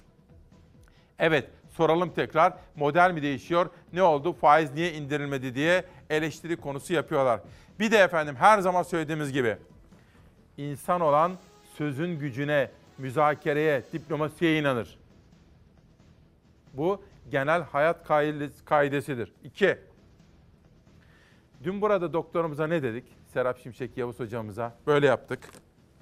Hocam dedik sizin ve sizin şahsınızda doktorlarımızın, hemşirelerimizin, hasta bakıcılarımızın, bütün sağlık çalışanlarımızın bu fedakarlıklarını unutmadık, unutmayacağız dedik. Peki biz biz onlara bu muameleleri neden reva görüyoruz? Durmadan tehdit ediyordu kızı. Dışarıda bir 20-25 dakika konuştular. Ondan sonra içeri girdi. Polis ara polis gelsin dedim alsınlar dedim bunu. Dedi olay büyümesin. Bu içeri girdi ateş etmiyor. Defalarca aradı tehdit etti. Yetmedi çalıştığı aile sağlığı merkezinin kapısına geldi. 20 ayrı suçtan sabıkalı Rahmi Uygun, hemşire Ömür Erez'i başından vurdu. Bir çocuk annesi hemşire hayatını kaybetti. Telefonla rahatsız ediyordu. Durmadan telefonlarla rahatsız ediyordu bunu. Diğerde kızla ev- birlikte olmak, evlenmek yani. Böyle düşünüyor. Ama kız istemiyordu bunu. Sağlık ocağı hemşiresi arkadaşımızı katleden kişinin 20 ayrı suçu var ve tutuksuz yargılanıyor. 33 yaşındaki hemşire Ömür Erez, İstanbul Kartal'daki aile sağlığı merkezinde görev yapıyordu. Konya'da yaşayan Rahmi Uygun'la sosyal medyada tanışmış ancak arkadaşlığını sürdürmemeye karar vermişti. Gözü dönmüş saldırgan cebinde silahıyla Konya'dan İstanbul'a geldi. Nereden alıyor bu cesareti? 20 ayrı suç dosyasından almadığı cezadan alıyor. Türkiye Kadın Dernekleri Federasyonu Başkanı Canan Güllü, yaralama, hürriyetten yoksun kılma gibi suçlardan sabıkası olan Rahmi Uygun ve benzeri örnekler için verilen cezalara dikkat çekti. Mevzuatta hata var, failler bu durumdan cesaret buluyor dedi. Yargılamada ceza muhakemeleri usulü kanununda bir hata varsa ki var bunu değiştirmemiz lazım. Saldırgan ve hemşire Ömür Erez önce aile sağlığı merkezinin önünde konuşmaya başladı. Ardından konuşma tartışmaya dönüştü. Hemşire Ömür Erez tartışmanın bittiğini sanarak içeri girdi ama saldırgan tam arkasındaydı. O içeri girer girmez ateş etmeye başladı. Bağcılar'da yakalandı Rahmi Uygun. İlk ifadesinde borç vermiştim ödemedi dedi.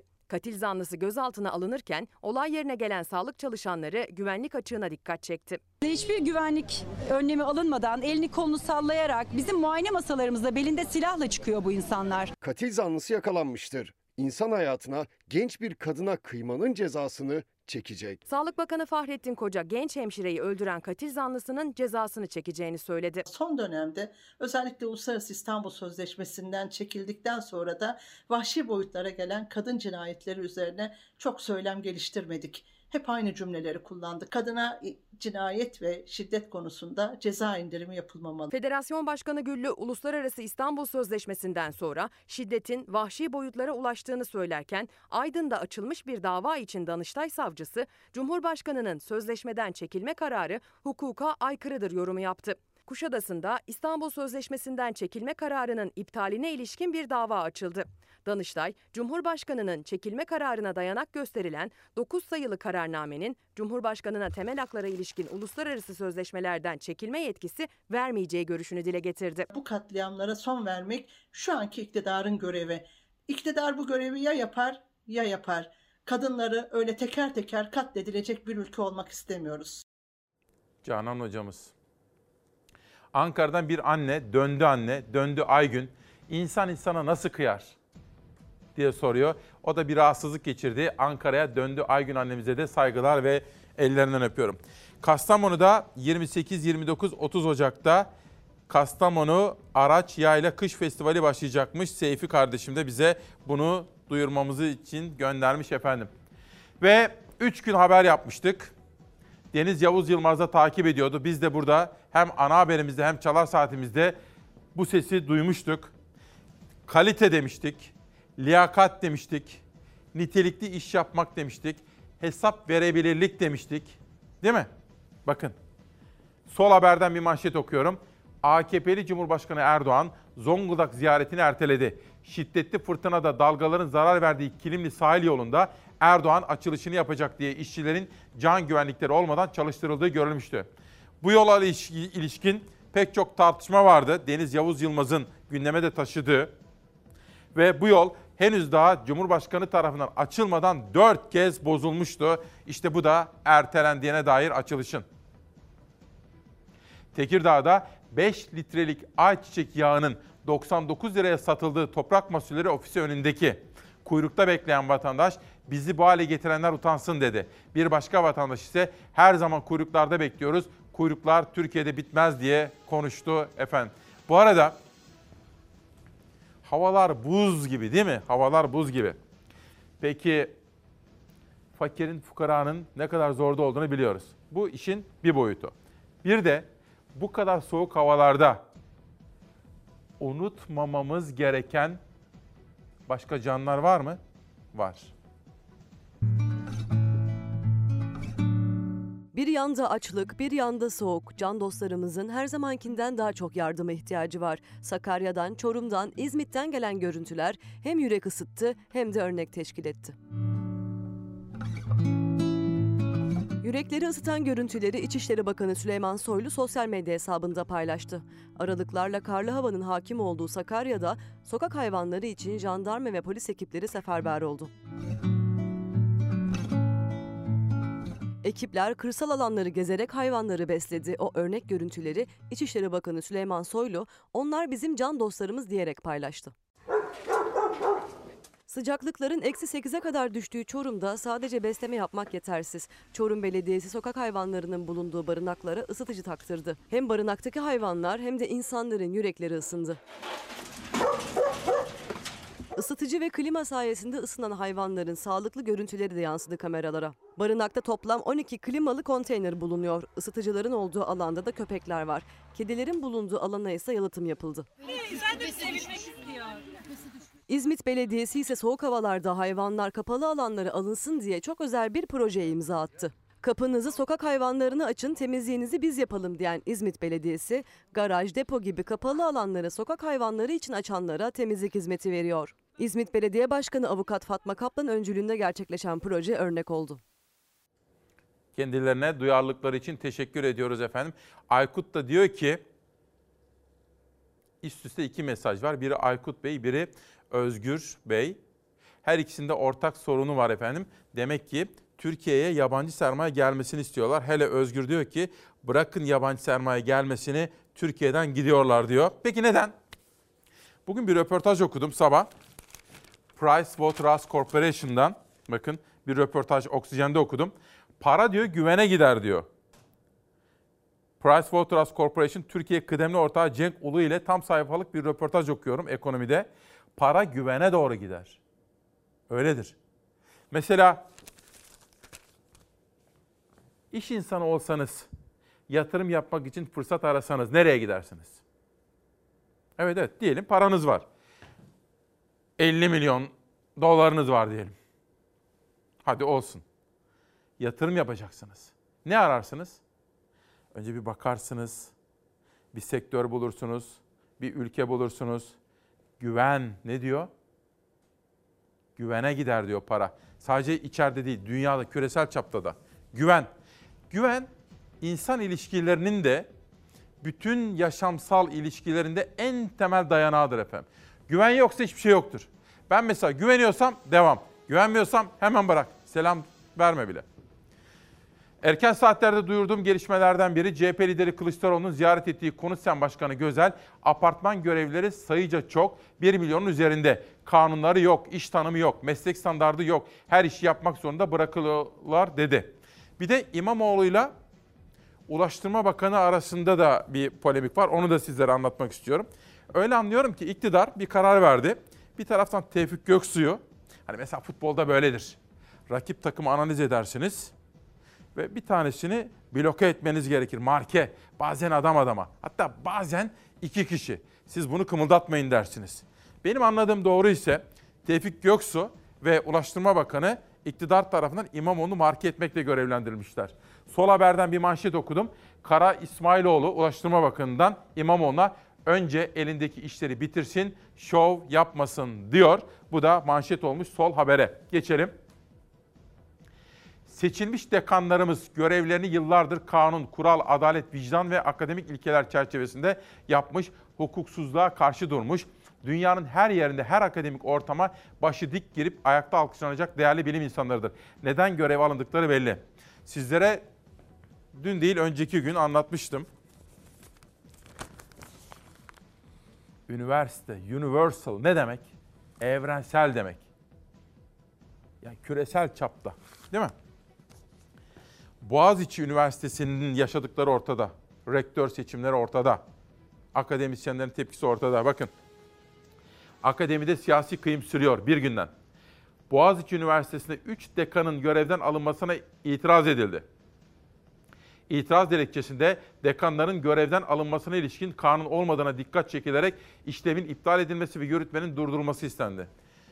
Eğer üniversitelerimizin adı gibi universal yani evrensel başarılara sahip olması isteniyorsa, ilk binde değil, ilk 500'de bile değil, ilk yüzde bizim üniversitelerimiz olsun istiyorlarsa, böyle bir taraftan siyasi baskılarla, bir taraftan yok baskılarıyla, böyle müdahalelerle amaca ulaşamayız. Ben önceki gün tamamen tesadüf bir ortamda bulunuyordum. Gökten bir yazı geldi bulunduğum ortamdaki kişiye. Dekan görevden alınmıştı. Türkiye ertesi gün duydu. Biz burada duyurduk. Bakın akademik özgürlük diye bir şey var. Mesela bizimki burada. Şimdi bize de söylüyorlar. Ya bakın bu bir başarı varsa burada. Bu sizin başarınız. Peki nasıl oluyor? Müdahale edilse olur mu başarı? Gelmez. Özgür iradenle doğru bildiğini dilin döndüğü kadar sorumluluk bilinciyle yerine getirmen gerekiyor. Yoksa başarı gelmez. Sürekli müdahale edilirse üniversitelerimiz nasıl başarılı olsun? Piyasalar. Merkez Bankası son 4 aylık gidişatını değiştirdi. Faizi sabit tuttu. Kararın açıklanmasının ardından dolar bir miktar geriledi. Kısa süreli düşüşün ardından tekrar 13.40'larda devam eden seyrine geri döndü dolar. Son 4 toplantıda faiz indiriyordu Merkez Bankası. Ocak ayını pas geçti. Toplantı sonrası yapılan açıklamada baz etkilerinin de ortadan kalkmasıyla dezenflasyonist sürecin başlayacağı öngörülmektedir dendi. Yani alınan önlemlerle fiyat artış hızının düşmesi öngörülüyor. Merkez Bankası'nın faiz kararının ardından haftanın son işlem gününde piyasalar güne yatay seyirle başladı. Dolar 13 lira 43 kuruş seviyesinde işlem görüyor. Euro ise 15 lira 21 kuruş. Gram altının fiyatı ise 795 lira. Çeyrek altınsa 1300 liradan satılıyor. E, haksız mıyım efendim bakın. Bana yazıyor arkadaşlarım.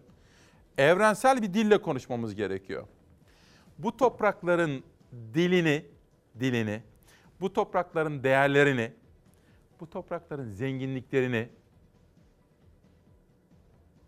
evrensel bir dille anlatabilmemiz gerekiyor. Yansıtabilmemiz gerekiyor. Sırada ekmekle ilgili bir haber var. Hepinizi ilgilendiren önemli bir haber. Ama önce şu kitabı da tanıtayım. Sinem Alparslan, Türkiye'de Görsel Sanatlar Dersi. Görsel Sanatlar. Ben Deniz Sırma, Billur Türkoğlu Pels yazmış ve imzalamış bana. Kendisine de teşekkür ediyorum Billur Hanım'a. Yerel gazeteleri de Savaş Yıldız kardeşimle birlikte seçtik bu sabah her zaman olduğu gibi. Afyon Postası. Ucuz yağ kuyruğuna içimiz burkuldu. Burası Afyon'daki Toprak Mahsulleri Ofisi satış noktası. Şöyle bir bakın. Şimdi dün gündem çalışmamızı yaparken Nihal Kemaloğlu dikkatimi çekti de düşün dedi bir emekli simit satıyor. Düşündünüz mü? Emeklisiniz. Yıllar yılı çalışmışsınız. Artık hayatınızın en güzel bağrındasınız. Şöyle biraz gün yüzü göreceksiniz, rahat edeceksiniz. Hayat zaten yormuş sizi. Ama geçinemezsiniz ki. 2500 lirayla nasıl geçineceksiniz? Simit satıyordu emekli. Ve bakın benim ülkemin güzel yurdumun insanları yaşlarına bakar mısınız efendim? Bakın. Şöyle biraz yakın olabilir misiniz Yunus? Türkiye bunu canlandırın. Bakın bu bir fotomontaj değil. Bu bir fotoromandan değil. Bir romandan da değil. Bu Türkiye Cumhuriyeti'nde bizim güzel yurdumuzda çekilmiş bir haberin fotoğrafları. Bu insanların yerine kendinizi koyun. Afyon'dan Diyarbakır'a geçelim. Üretim, yatırım, istihdam durabilir demiş Aziz Özkılıç. Dogun Sifet Yönetim Kurulu Başkanı ile yapılmış bir röportaj işletmelerin zorda olduğunu söylüyor. Doğu ve Güneydoğu Sanayici İş İnsanları Federasyonu Yönetim Kurulu Başkanı söylemiş. Finansmana erişimde sorunlar var. Bakın geçtiğimiz hafta Hüseyin Kış da Adana Mersin'deki o meslek şimdi meslek örgütünün adını hatırlayamıyorum. Türkonfet miydi neydi? Bütün bölgedeki iş insanlarının buluştuğu bir yerde Hüseyin Kış diyordu ki finansmana erişim yaşıyoruz. Erişim sorunu. Yani yatırım yapacaksınız ama finansmana erişemiyorsunuz. Krediler %30'un üstünde. Geçelim. Konya. Açıklanan yeni alım fiyatı memnun etmedi. Cumhurbaşkanı Erdoğan, Türk Şeker'in 2022 ürünü şeker pancarı alım fiyatını 16 polar için ton başına 800 lira olarak açıkladı. Söz konusu alım fiyatı 50 lira olan posa bedeli ve 25 lira olan kota tamamlama primiyle birlikte ton başına toplam 875 lira olacak. Bu fiyat Konyalı pancar üreticileri tarafından memnuniyetle karşılanmadı diyor. Ve temel mesele. Nedir temel mesele? Geçimdir tamam. Başka? Temel mesele ekmektir.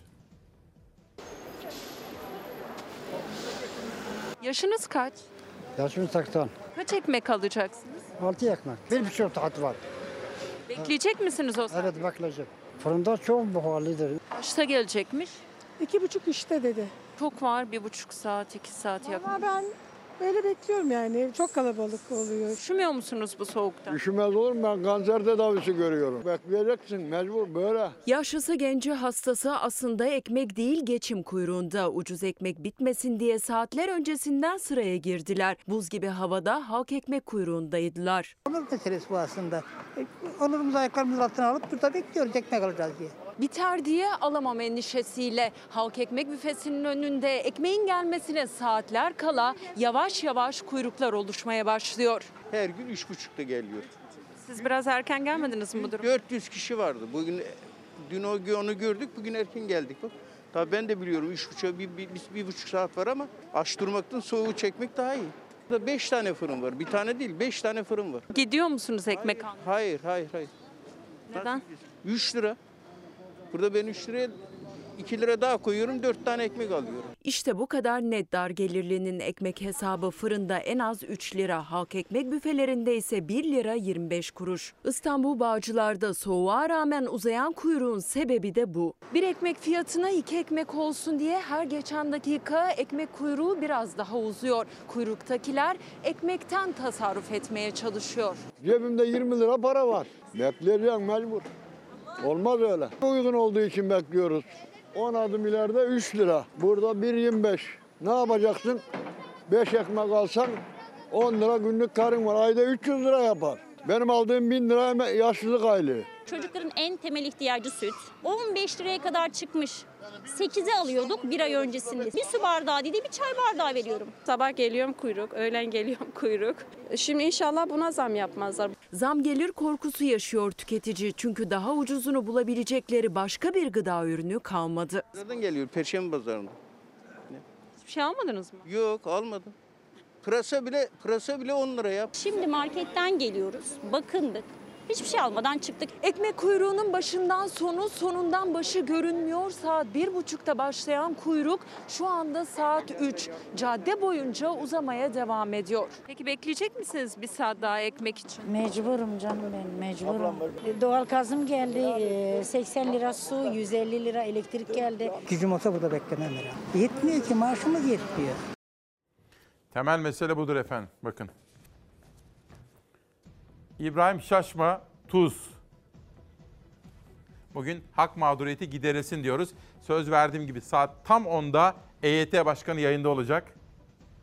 Fırat Dalgıç, işçilerin köleliği, bataklık mı kurtuluş mu demiş.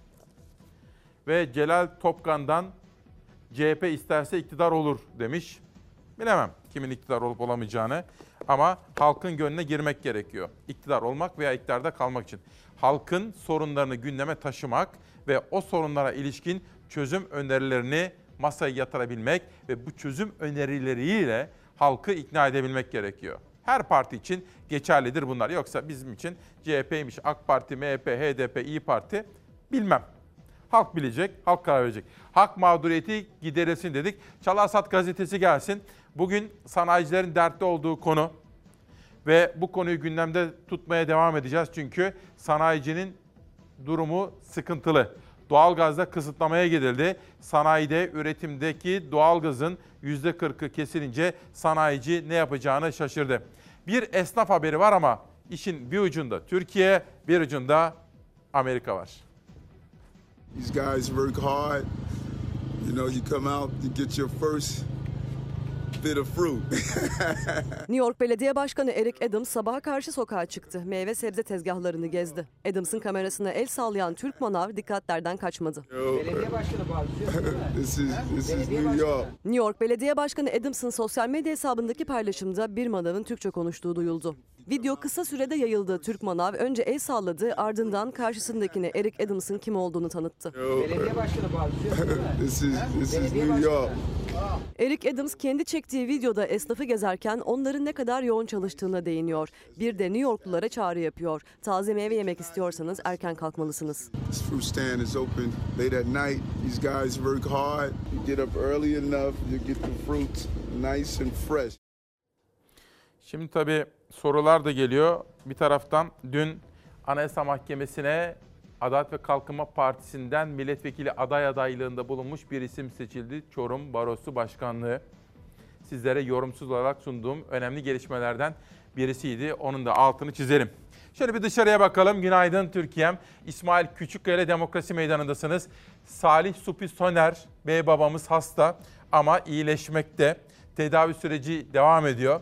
Bugün Salih Supi Bey babamız şahsında korona tedavileri devam eden mesela Yasemin Ergin bir öğretmenimiz, onun kıymetli eşi onlar.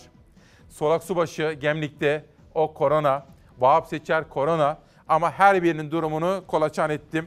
Her birinin durumu da iyidir. Onlara ve onların şahsında bütün hastalarımıza geçmişler olsun diyorum. Hafta sonunda bu geceden itibaren hava iyiden iyiye soğuyacak. Kar öylesine yağdı ki Batı Karadeniz'de kar kalınlığı 1,5 metreye çıktı. Sinop, Bartın ve Kastamonu'dan gelen görüntüler yeniden kar yağacak olması konusunda korkuttu. Sinop'ta kar yağışı nedeniyle 226 köy yolu ulaşıma kapandı. Sinop Valiliği yazılı uyarıda bulundu. Sinoplulara zorunlu olmadıkça dışarı çıkmayın dedi. Bartın'da da durum benzer. Köylerde kar 1,5 metreye kadar birikim oluşturdu. Hayat durma noktasına geldi. Kastamonu'nun Cide ilçesinde de etkili olan kar bazı yerlerde 1,5 metreyi geçti. Birçok köy yolu ulaşıma kapanırken ekiplerin başlattığı çalışma sürüyor. Bugün başlayacak kar yağışı Batı Karadeniz'de yoğun şekilde sürecek. Var olan kar birikimi üzerine eklenecek yeni kar çığ endişesini arttırıyor. Daha şimdiden heyelan yaşanmaya başladı. Sinop'ta yaşanan heyelan anını vatandaşlar cep telefonuyla kaydetti. Hakkari'de çığ üstüne çığ düşüyor. Son olarak Yeşildere mezrası yoluna çığ düştü. O sırada yoldan geçen hafif ticari araç kar yığını altında kaldı. Sürücüsü kendi imkanlarıyla kurtuldu. Çığdan kapanan yol 5 saatte ulaşıma açıldı. Güneydoğu Anadolu bölgesi son yağışlarda yoğun kar aldı. Pek çok ilde yaşam normale dönmeye başladı Güneydoğu Anadolu'da. Mardin'de yağan karsa seyrine doyum olmaz manzaralar oluşturdu. Hava bugünden itibaren yeniden soğuyor. Dondurucu seviyelere kadar düşecek sıcaklıklar yurtta yoğun kar yağışına ve buzlanmaya neden olacak. Akdeniz'de seralarda zirai don nöbeti başladı. Normalde e, Erdem'de böyle bir kış yaşanmamıştı. Yani her sene normalde bir hafta falan yaşanırdı. Bu sene kış şartları biraz çetin geçiyor. Geçtiğimiz hafta başlayan zirai don nöbetleri bu haftada yoğun şekilde devam edeceğe benziyor. Çünkü dondurucu soğuklar sıcak karakterli Ege ve Akdeniz bölgelerinde dahi kıyılara kadar sokulacak. Şimdi mesajlar geliyor tabii kampanya. Yani bence ileride sosyal medya kampanyaları konusunda örnek olur. Bu Gönül Boran Özüpak'ın EYT adına yürüttüğü kampanya. Bence hele bir sonuç alırlarsa yani küresel çapta bir başarı ödülü alırlar onu söyleyeyim. Saat tam onda sizlerle birlikte olacak. Bu arada Şevki Bey diyor ki ne kadar güzel her sabah hastalara veya mahkumlara, gurbettekilere selam söylüyorsun, moral oluyorsun diyor. Şevki Baba e öyle ama hayatta her şeyin başı moraldir. Ben iyileşeceğim dersen iyileşirsin. Zorludur tedavi süreci ama iyileşeceğim dersen iyileşirsin. Ben bu sorunların üstesinden geleceğim dersen ve buna gerçekten inanırsan ve inancının da gereğini yerine getirirsen mutlaka o sorunları çözersin. Elektrik faturalarına ilişkin bir haberimiz var. Siz o haberi izleye durun. Ben de EYT Başkanı Gönül Hanım'ı huzurlarınıza davet edeceğim.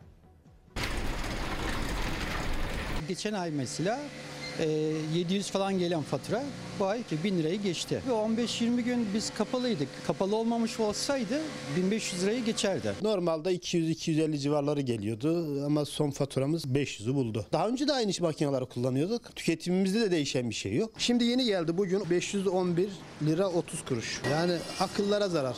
Normalde zaten yüksek geliyor. Bütün her şey elektrikle çalışıyor. Dükkanı kapatacağız o zaman. Elektrik olmazsa üretimleri durur. Ancak tekstil atölyelerinde üretim elektrik yüzünden durma noktasında. Faturaların henüz tamamı zamlı tarifeden değil ama yansıdığı kadarı bile önceki ayı ikiye katladı. %100 yapacağına %30 yapsaydın, %20 yapsaydın ya da %10 yapsaydın. Şimdi bir de diyorlar ki aşıma uğradığı zaman %100 katlamalı. Bin lira geliyorsa bana 2 lira gelmemesi gerekiyor. Bin lirayı zor ödüyoruz. 2 lirayı nasıl ödeyeceğiz? Daha önce devletteyken kullandığımız kilowata göre ne kadar fatura ödeyebileceğimizi çözebiliyorduk. Özele geçtikten sonra çözemiyoruz. O kadar çok farklı şeyler yansıtılıyor ki ne yazarlarsa ödemek zorundayız. Zeytinburnu'nda 80 metrekarelik bir tekstil kesimhanesindeyiz. Tek bir makine çalışmasına rağmen işletmeye Aralık ayında gelen elektrik faturası 194 lira. Bugünse gelen son fatura 511 lira. Yani gelen son faturanın iki katından da fazla. Bu makinede olmadan bu işi yapamayız. E, yapsak da taş devrine döneriz. Bu asgari ücretten önce örnek veriyorum. Parça başı 50 kuruşa keserken şimdi biz bunu 1 lira yapmak zorunda kaldık. Çünkü kirasımız ona göre arttı, elektriğimiz arttı, e, maaşlar arttı. Her şey arttı. Bu da döndü tekrar vatandaşa yansıdı. 50 liraya aldığı tişörtü şimdi 100 liraya alıyor. 1 Ocak'tan itibaren elektriğe kullanıma göre %52 ile %127 arasında zam geldi. Tekstil atölyelerinde maliyet arttıkça tüketiciye de yansıyor. Üretim kazanarak değil borçla dönüyor. Kartlarla, bankalarla faizle dönüyor. Bir kişim burada benim 4 lira maaş alıyor. Nasıl dönsün buyurun. Küçücük bir yer. Ben bu parçayı 2 liraya dikiyorum. Faturalara gelen zammın yanı sıra asgari ücret artışının da altından kalkamıyorlar. Eleman çıkaran da var artık kapısına kilit vurmayı düşünen de. İş olmadığı için eleman çıkarttık biz de. 5-6 kişi çıkarttık. Asgari ücret yükseldiği için ödeme güçlük çekiyoruz. Elektriksiz iş yapılmıyor. Belki de kapatacağım. Açık konuşayım. Elektriğim kesildiği zaman bir tane iş dikemem. Bu ay denerim. Bu Ocak, Şubat, Mart'ta belki de böyle bir esnaf olmaz. Cebine para girmeden olmaz. Karnın doymadan olmaz. İşte şimdi Emeklilikte Yaşa Takılanlar Dernek Başkanı'nı ağırlıyoruz. Gönül Boran Özüpak. Hoş geldiniz. Hoş bulduk İsmail Çok Bey. şıksınız, çok zarifsiniz. Çok teşekkür ederim. Nasılsınız? Sağ olun. İyi olmaya çalışıyoruz Türkiye şartlarında. Ya, müthiş bir kampanya yürütüyorsunuz. Hakikaten böyle eğer de sonuç alırsanız ki ben seçime doğru sonuç alacağınıza inanıyorum. Kesinlikle. Hele Olmayan iktidar böyle durumu kolaçan ediyor, bakıyor. Ona göre karar verecektir. Dün müydü, önceki gün müydü bakayım. Bir gazetede okudum Hürriyet'te de kimler emeklilikte yaşa takılıyor. Evet. Şimdi önce bilen var, bilmeyen var diyelim. Evet. Kısaca bize bu EYT dediğimiz şey nedir? Bir anlatır mısınız?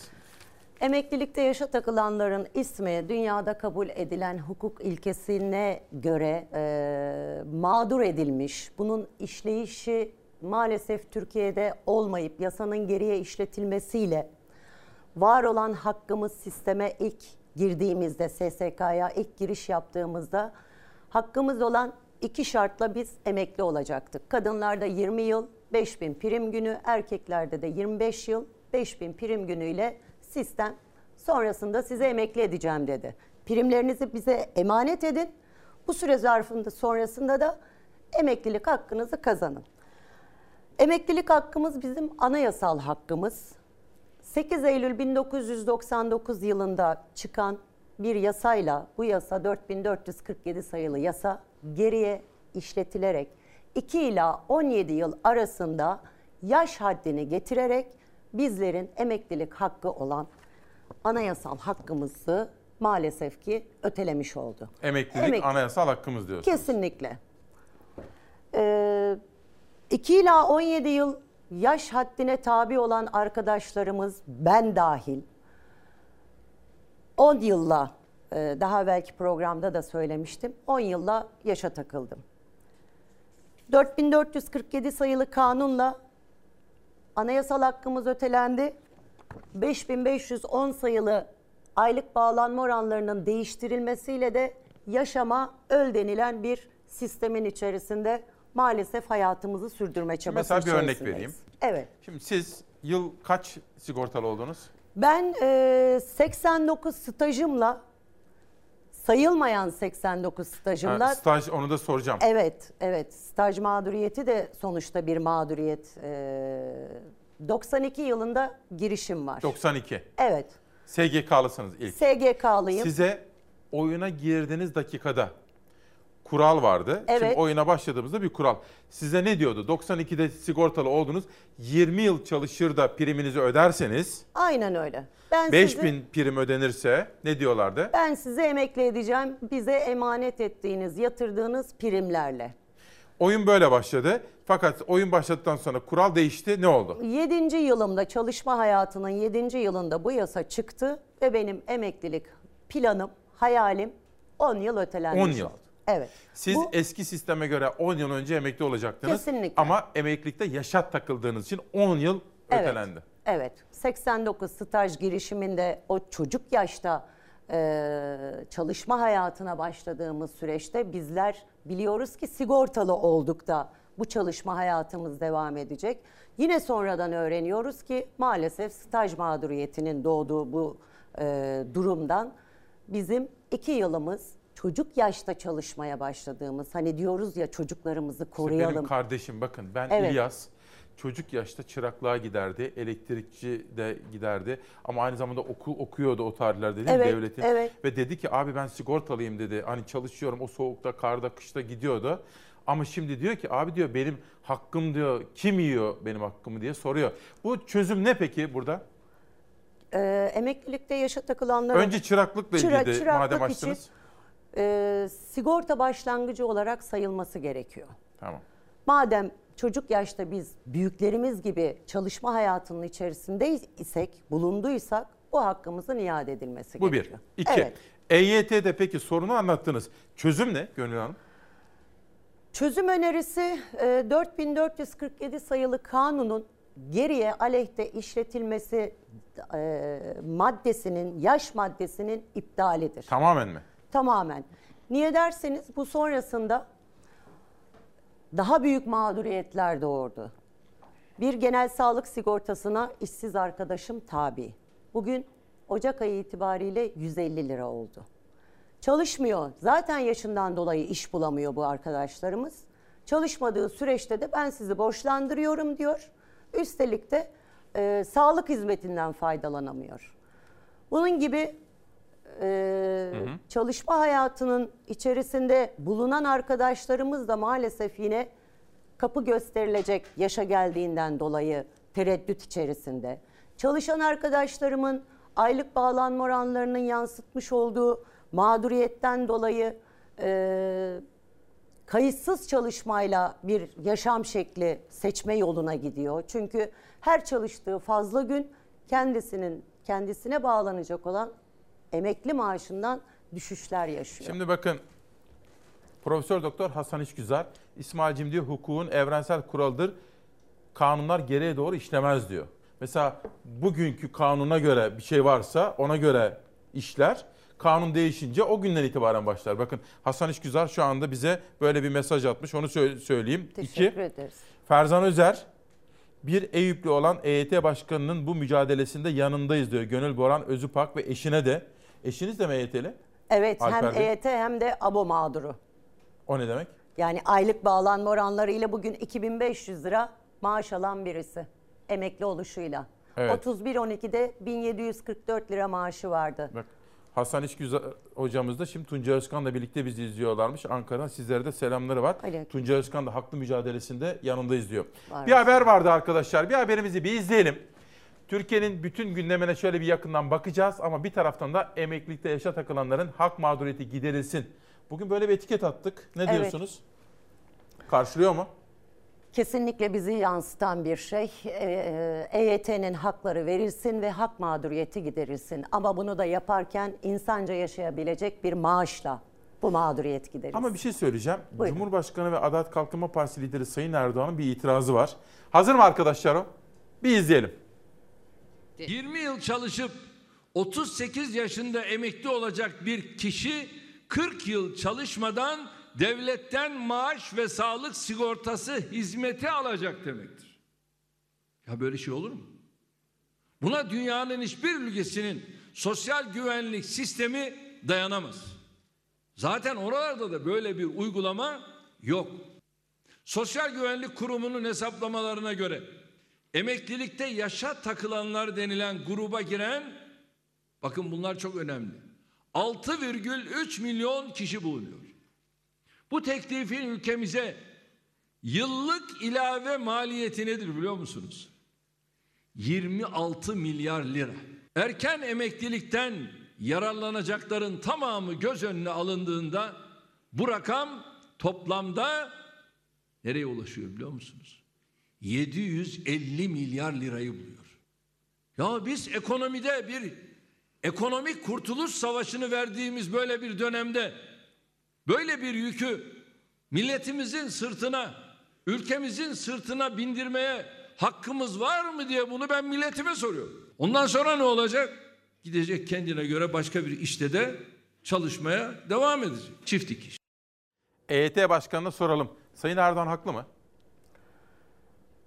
Haklı değil. Şöyle anayasal hakkımız dedik. Bu hak bize 99 öncesinde verilmiş bir hakkın ki lütuf değil kazanılmış bir hak olduğunu iddia ediyoruz. Demin de bahsettik. Bir yasa çıkıyor. Yasa öngörülebilir ilkesi hiçe sayılıyor ve bizler bugün çıkan bir yasayla geleceğimizi bir haliyle planlayabilecek durumda olmalıyız ki geriye aleyhte işletilmesiyle maalesef biz bunu yaşayamadık. Haklılık Peki bir şey soracağım. Çift dikiş diyor ama Sayın Erdoğan. Evet. Çift dikiş 2500 lira maaş alan bir arkadaşımın bugün asgari ücret 4253 lira oldu. Asgarinin anlamı da nedir? Bundan aşağı siz geçinemezsiniz denilen bir rakamdır. 30 yıl çalışıyorsunuz, 28 yıl, 32 yıl çalışıyorsunuz ve arkasından sizin emeğinizin karşılığı 2500 lira oluyor. Bu insanlar bir kiranın 2000 lira olduğu bir e, şehirde ya da bir e, gıda harcamasının bu denli arttığı bir ortamda çift dikiş yapmaması mümkün değil. Versinler gerçekten geçinebilecek bir maaşı hiç kimse çift dikişi düşünmesin. Anladım. Bir taraftan iktidar partisine bakınca başkan Evet. işte gerek bakan Vedat Bilgin olsun gerek işte grup başkan vekilleri Akbaşoğlu olsun farklı farklı isimler çeşitli açıklamalar yaptı. İktidar buna nasıl yaklaşıyor sizce? İktidar Partisi e, şu aralar ki iki ay evvelinde de yine gündem olmuştuk. E, Sayın Vedat Bilgin Bey'in açıklamaları, grup başkan vekilleri en son Muhammed Emin Akbaşoğlu'nun e, sorunumuzu, EYT sorununda Evet. bir öncelik tanıyacağız. Beşinci sırada olarak Türkiye'ye mal olan bir mağduriyet var burada ve biz diyoruz ki bu çığlığımızı duyun. Öncelik sırasının 5. sırasında olması açıkçası kabul edilebilir bir şey değil. 3600 var önce. değil mi? 3600 oldu işte e, nedir e, asgari ücret belirlenmesi, emekli maaşlarının belirlenmesi. Oysa ki biz ekonomik bir şiddet yaşıyoruz. Yani geçinemiyoruz diyoruz bu anlamda. E, bize sonrasında bir iki gün evvelinde basına yansıyan haberler doğrultusunda çözüm önerileri sunulmuş oldu. Biz buna inanıyor muyuz? Açıkçası inanmıyoruz. Nedir? Her seçim arifesinde bize sunulan bir nabız yoklaması olarak acaba mı deyip de e, gene bir emeklilikte yaşa takılanlar e, sorunu yaratacak çözüm önerileriyle kazan doğurdu misali yeniden bir emeklilikte yaşa takılanlar Şimdi size bir şey tavsiye olacak. edeyim mi? Evet. Samimiyetle. Lütfen. Şimdi siz ben tabii saygı duyuyorum çok. Evet. Şimdi bunları böyle hazırlamışsınız filan. E, ama burada olmaz onlar. Yanlış yapıyorsunuz. Neden? Niye biliyor musunuz? Sizin kafanız oraya gidiyor. Bakın buraya. Şimdi burada, yani bunu mesela mitinglerde yapılır o. Ama burada yayında böyle içinizden geldiği gibi. Çünkü bu haklı bir sorun. Bakın Evet. mesela Tunca Özkan da söylüyor. Haklı mücadelelerinde yanındayız diyor. Profesör İşgüzar diyor ki kanun geriye doğru işlemez diyor. Yani aslında siz o Kesinlikle. kadar haklısınız ki.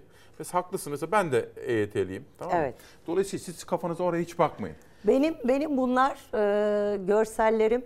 Onları söz- mitinglerde kullanın. Sözlerimi de e, tabii haklı Şimdi ben olabilirsiniz. size bir şey soracağım bakın.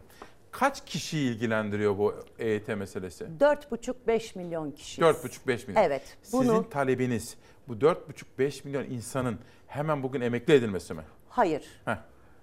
750 bin ila 1 milyon kişi eğer bugün bu, bu yasa iptal edilmiş olsa emekli olacak kişidir. 750 ila 1 milyon. 1 milyon Bunun kişi. faturası nedir? Bunun faturası yeni güncellenen maaşlarla 30 milyar yıllık. Ödeyebilecek durumumuz var mı devlet olarak? Kesinlikle devletimizin kaynaklarının doğru ve etkin bir şekilde kullanılması tamamen EYT sorununu çözecek. Peki peyderpey mesela bu yılın sonunda öbür sene öbür sene bu toplam EYT mağdurlarının tamamı ne zaman emekli olabilir? 2036 yılında yaş haddi eğer ki iptal edilmezse 2036 yılına kadar devam ediyor. 99 girişli erkek arkadaşlarımız 25 yılını 2024 yılında tamamlıyor. Tamamladığı zaman emekli olmuş oluyor. 2024 yılında bitmiş olacak. Peki. Şimdi bizi izliyorlar diyelim. Vedat Evet. Bilgin.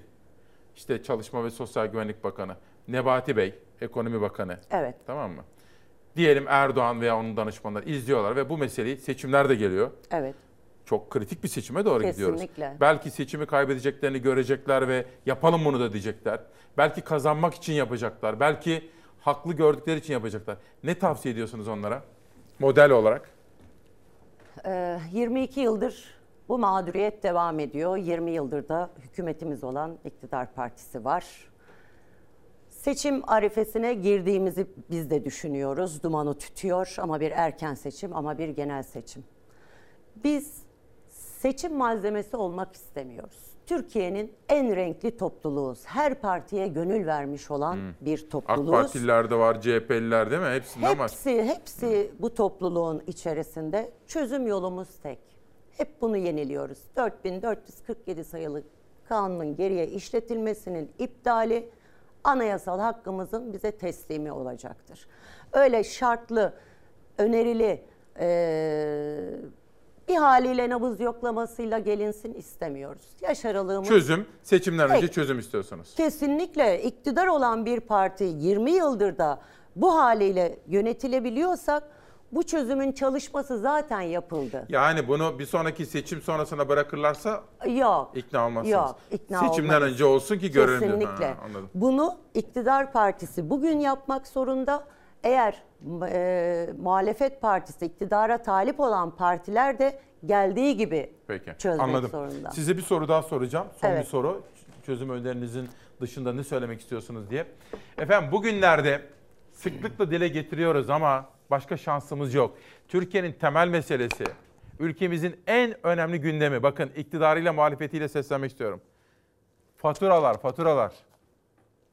Milletimize daha uygun fiyatlarla doğalgaz, elektrik ve akaryakıt vermek için devlet bu alanlarda fedakarlık yapmayı sürdürmektedir. Fakirden fukaradan yana, garipten gurabadan yana hükümet hiçbir fedakarlık yapmamıştır. Hangi fedakarlığı yaptı? Biz sizden fedakarlık bekliyoruz Sayın Cumhurbaşkanı. Derhal doğalgaz zamlarını ve elektrik zamlarını, akaryakıt zamlarını geri çekerek gösterin fedakarlığınızı. Cumhurbaşkanı Erdoğan siyasetin de sokağın da en sıcak başlığı yeni yılla birlikte gelen yüksek zamlar için artış en alt seviyede yapıldı dedi. Hükümetin fedakarlık yaptığını söyledi. Muhalefet ise fedakarlığı millet yapıyor, zamlar iktidarın beceriksizliği diyerek ses yükseltti. enerji başta olmak üzere Türkiye'deki yüksek fiyat artışlarının sadece dörtte birlik kısmı uluslararası fiyatlardan gelmektedir. Dörtte üçlük kısmı kötü yönetimine gelmektedir. Yılbaşındaki kur 7,5 liralık 8 liralık bir kur olmuş olsaydı bu zamların dörtte üçlük kısmını biz yapmayacaktık. Şimdi siz neyin fedakarlığından bahsediyorsunuz? Geçtiğimiz yıl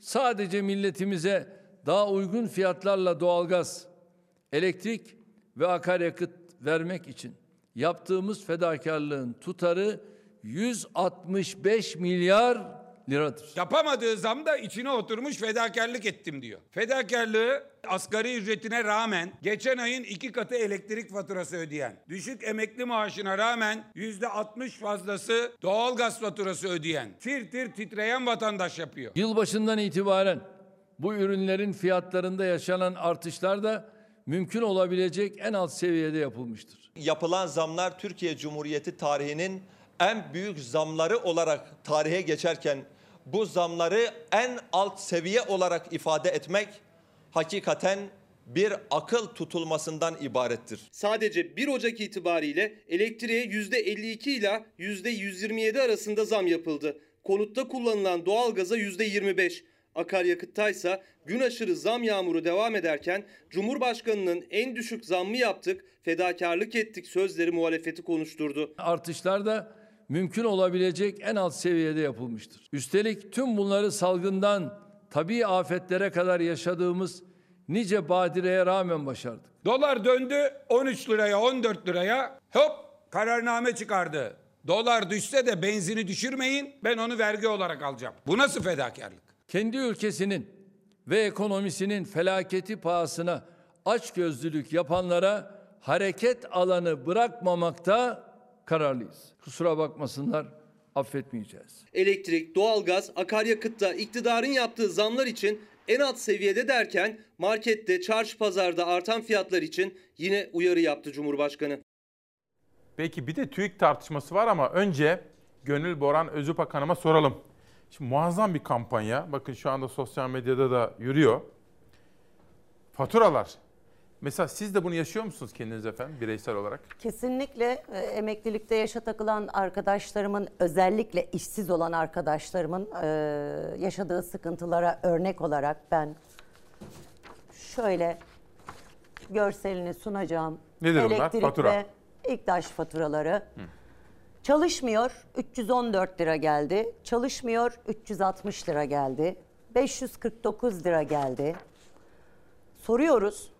Hem emekli etmiyorsunuz ki bir gelirimiz olsun hem de bu faturaları bu fahiş fiyatlarla bize yüklemiş oluyorsunuz. Sizin fatura ne kadar geldi elektrik faturası? Ee, bir 370 de bana geldi. Bana geldi. Sizde çoluk çocuk var mı evde? İki tane evladım Allah var. bağışlasın. Ee, cümlemizin e, Eşiniz siz iki evlat dört kişi. dört kişilik bir aileyiz. Ee, Normalde 250 e, 230 civarı gelen bir faturamdı benim. Ama e, Arttı. arttı. Doğalgaz Doğalgaz faturam e, şimdi onu tam hatırlayamıyorum esasında ama e, yeni bir bağlantı yaptığım için biraz Faturalar cüzi. nasıl? Onun dışındaki- Faturalar onun dışında uçuk. Uçuk. Peki alışverişe kim gidiyor? Eşiniz mi siz mi? Beraber mi? E, Beraber gidiyoruz. Ben de market market dolaşıyorum. Nasıl gözleminiz? Alınmı, alınacak bir şey yok ki. Elinizi uzatıyorsunuz, fiyatına bakıyorsunuz. Alacağınız belki bir paketse onu yarım pakete indirmek zorunda kalıyorsunuz. Bu artık yani sadece emeklilikte yaşa takılanların değil. Bizden evvel bir e, yayın yaptınız emekli olan büyüklerimizin, abilerimizin Çok üzülüyoruz ekmek onlara. kuyruklarına ve bizler de onlar gibi yarın emekli olacağız. Onlar gibi. Mesela ne kadar e, maaş alacaksınız biliyor musunuz? Emekli olsanız. ee, açıkçası ben 7 Ocak'ta 10 yılımı tamamladım. Emekliliğimi yaş haddini doldurup da e, henüz belirlenmedi. Başvurumu Daha yaptım. Belli değil daha. Belli değil. Peki mesela bir şey soracağım. Şimdi hani mesela bir Avrupalı gibi, bir Kanadalı gibi şimdi emekli olduk. Şimdi siz de işte kocanızla birlikte diyelim yurt, yılda bir defa yurt dışına gidebilecek şekilde. Hadi diyelim onu boş verelim. Tamam. Memlekete bir gidelim. Siz nerelisiniz? Ben Tokatlıyım. Tokat. Bir Evet. Tokat'a gidelim diye. Mesela en az asgari ücret ne olmalı Türkiye'de? Böyle bir, biraz insan onuruna yaraşır bir hayat için mesela ne olmalı sizce? Şimdi yoksulluk sınırı, açlık sınırı açıklanıyor. Evde iki kişi dahi çalışsa maalesef bu rakamlara ulaşılamıyor. Bu en minimum seviyelerde tutuluyor. 4250 8500 lira yapıyor. İki kişinin çalışmasıyla. Açıklanan rakamlar kadar olmuş olsa işte 13 bin, 14 bin yoksulluk sınırı. Biz hayatımızı bir haliyle hani iki kişinin çalışmasıyla bu tek kişinin alacağı zaten rakam değil. Bir haliyle kendimizi insanca yaşayabileceğimiz bir ortam yaratabiliriz. Ama 8500 lirayla açıklanıyor 14 bin lirayla. Gene borçlusunuz, gene kredi kartıyla çalışma hayatınız devam edecek. Emekli abilerimizi görüyoruz. Peki. Türkiye'de bir de TÜİK tartışması var. Önceki gün sizlere duyurmuştum. Fatih Altaylı önemli bir kulis haberciliğine imza atmıştı. Deneyimli isim. Demişti ki sağlam kaynaklardan teyit ettim. Üst düzey bir bürokrat Cumhurbaşkanı Erdoğan'a istifasını sundu demişti. Bunun kim olabileceğine dair dün farklı gazete ve internet sitelerinden sizlere örnekler sunmuştum. O isimlerden biri iddialardan. TÜİK. Saraydan alınan talimat üzerine enflasyon rakamları açıklanıyor. Enflasyon hesabında ben 84 milyona karşı sorumluyum. Bir yanlışa imza atarsam 84 milyonun hakkını yemiş olurum. 84 milyonun ahını alamam. Zaten ahını aldınız ya geriye bakı kaldı zaten. Daha ne kalsın? Açıkladığı enflasyon rakamlarıyla muhalefetin gündeminden düşmeyen TÜİK Başkanı Sayit Erdal Dinçer, Dünya Gazetesi'nden Alaaddin Aktaş'a konuştu.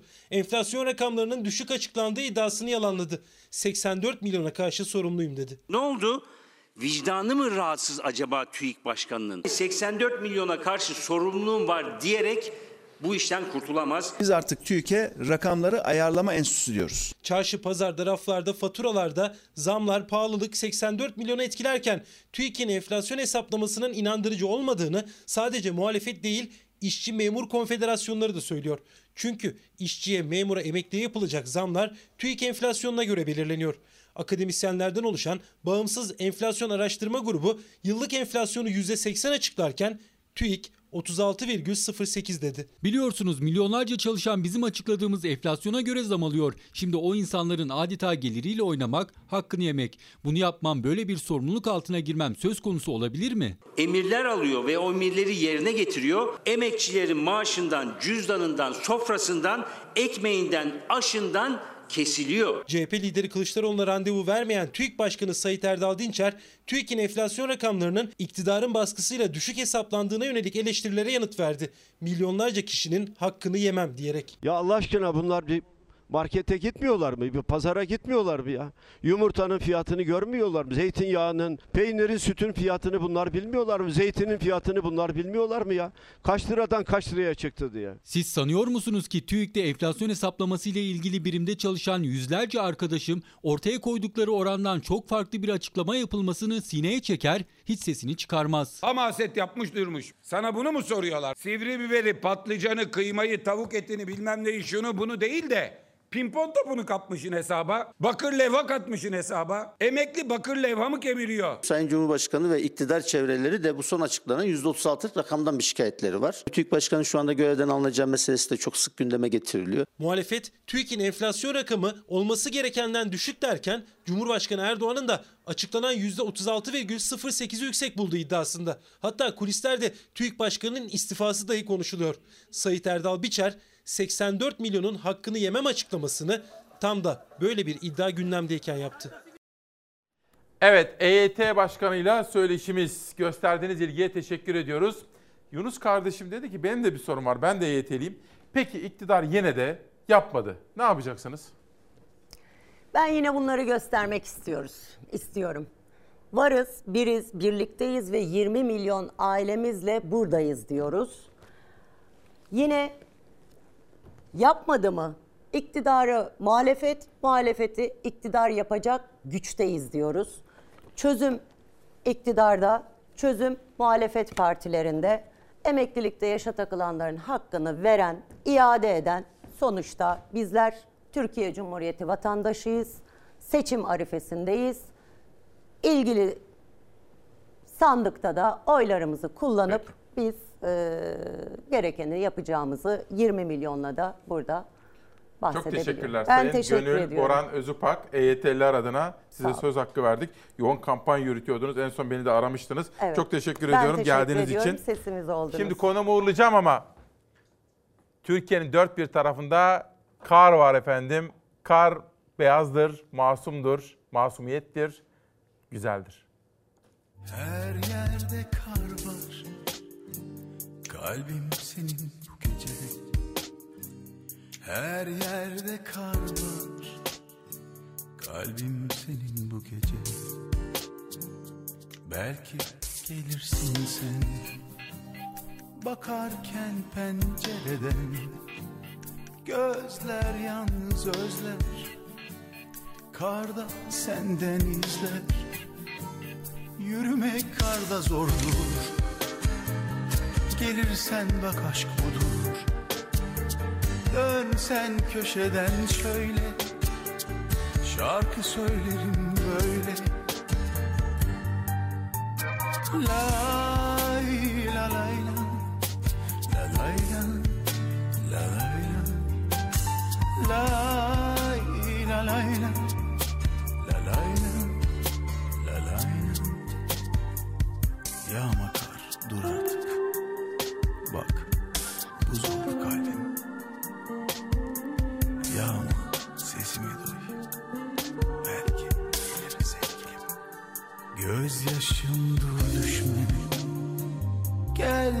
Gelmeyecek düşünme.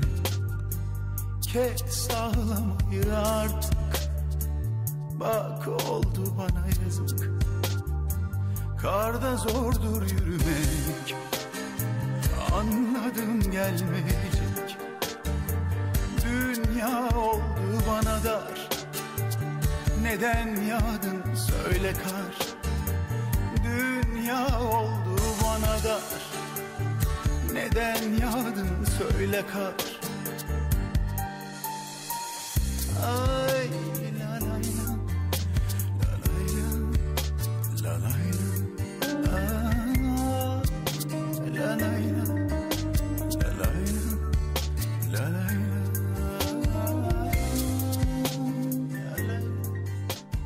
Bir haftayı birlikte kapatıyoruz. İyi ki varsınız, iyi ki birlikteyiz efendim. Benden hemen sonra ekonomiye bakacağız. Hafta sonunda da İlker Karagöz bizlerle olacak. Geçtiğimiz hafta yoktu, babası rahatsızdı. Geçmişler olsun diyelim bir kere daha. Şenay Şentürk, Bitmeyen Kış, Bir Balkan Hikayesi. Şöyle her şey normalleşse de bir Bosna Hersek'e gitsek, Kosova'ya gitsek. Bir Bulgaristan'a gitsek mesela. Ah. Umuda yolculuk. Fırat Dalgıç. Hakikaten içimdeki Balkan sevgisi başkadır benim. Serdar Şatur şiire dokunmak demiş. Yılmaz Erdoğan'ın bir şiirine dokunalım ve haftayı kapatalım. Biz seninle ihtiyar, şehirler, şiirler, limanlar, icat ettiğin, icat ettiğin şarkılar, ana sütü hediye insanlar, helali hoş olanlar.''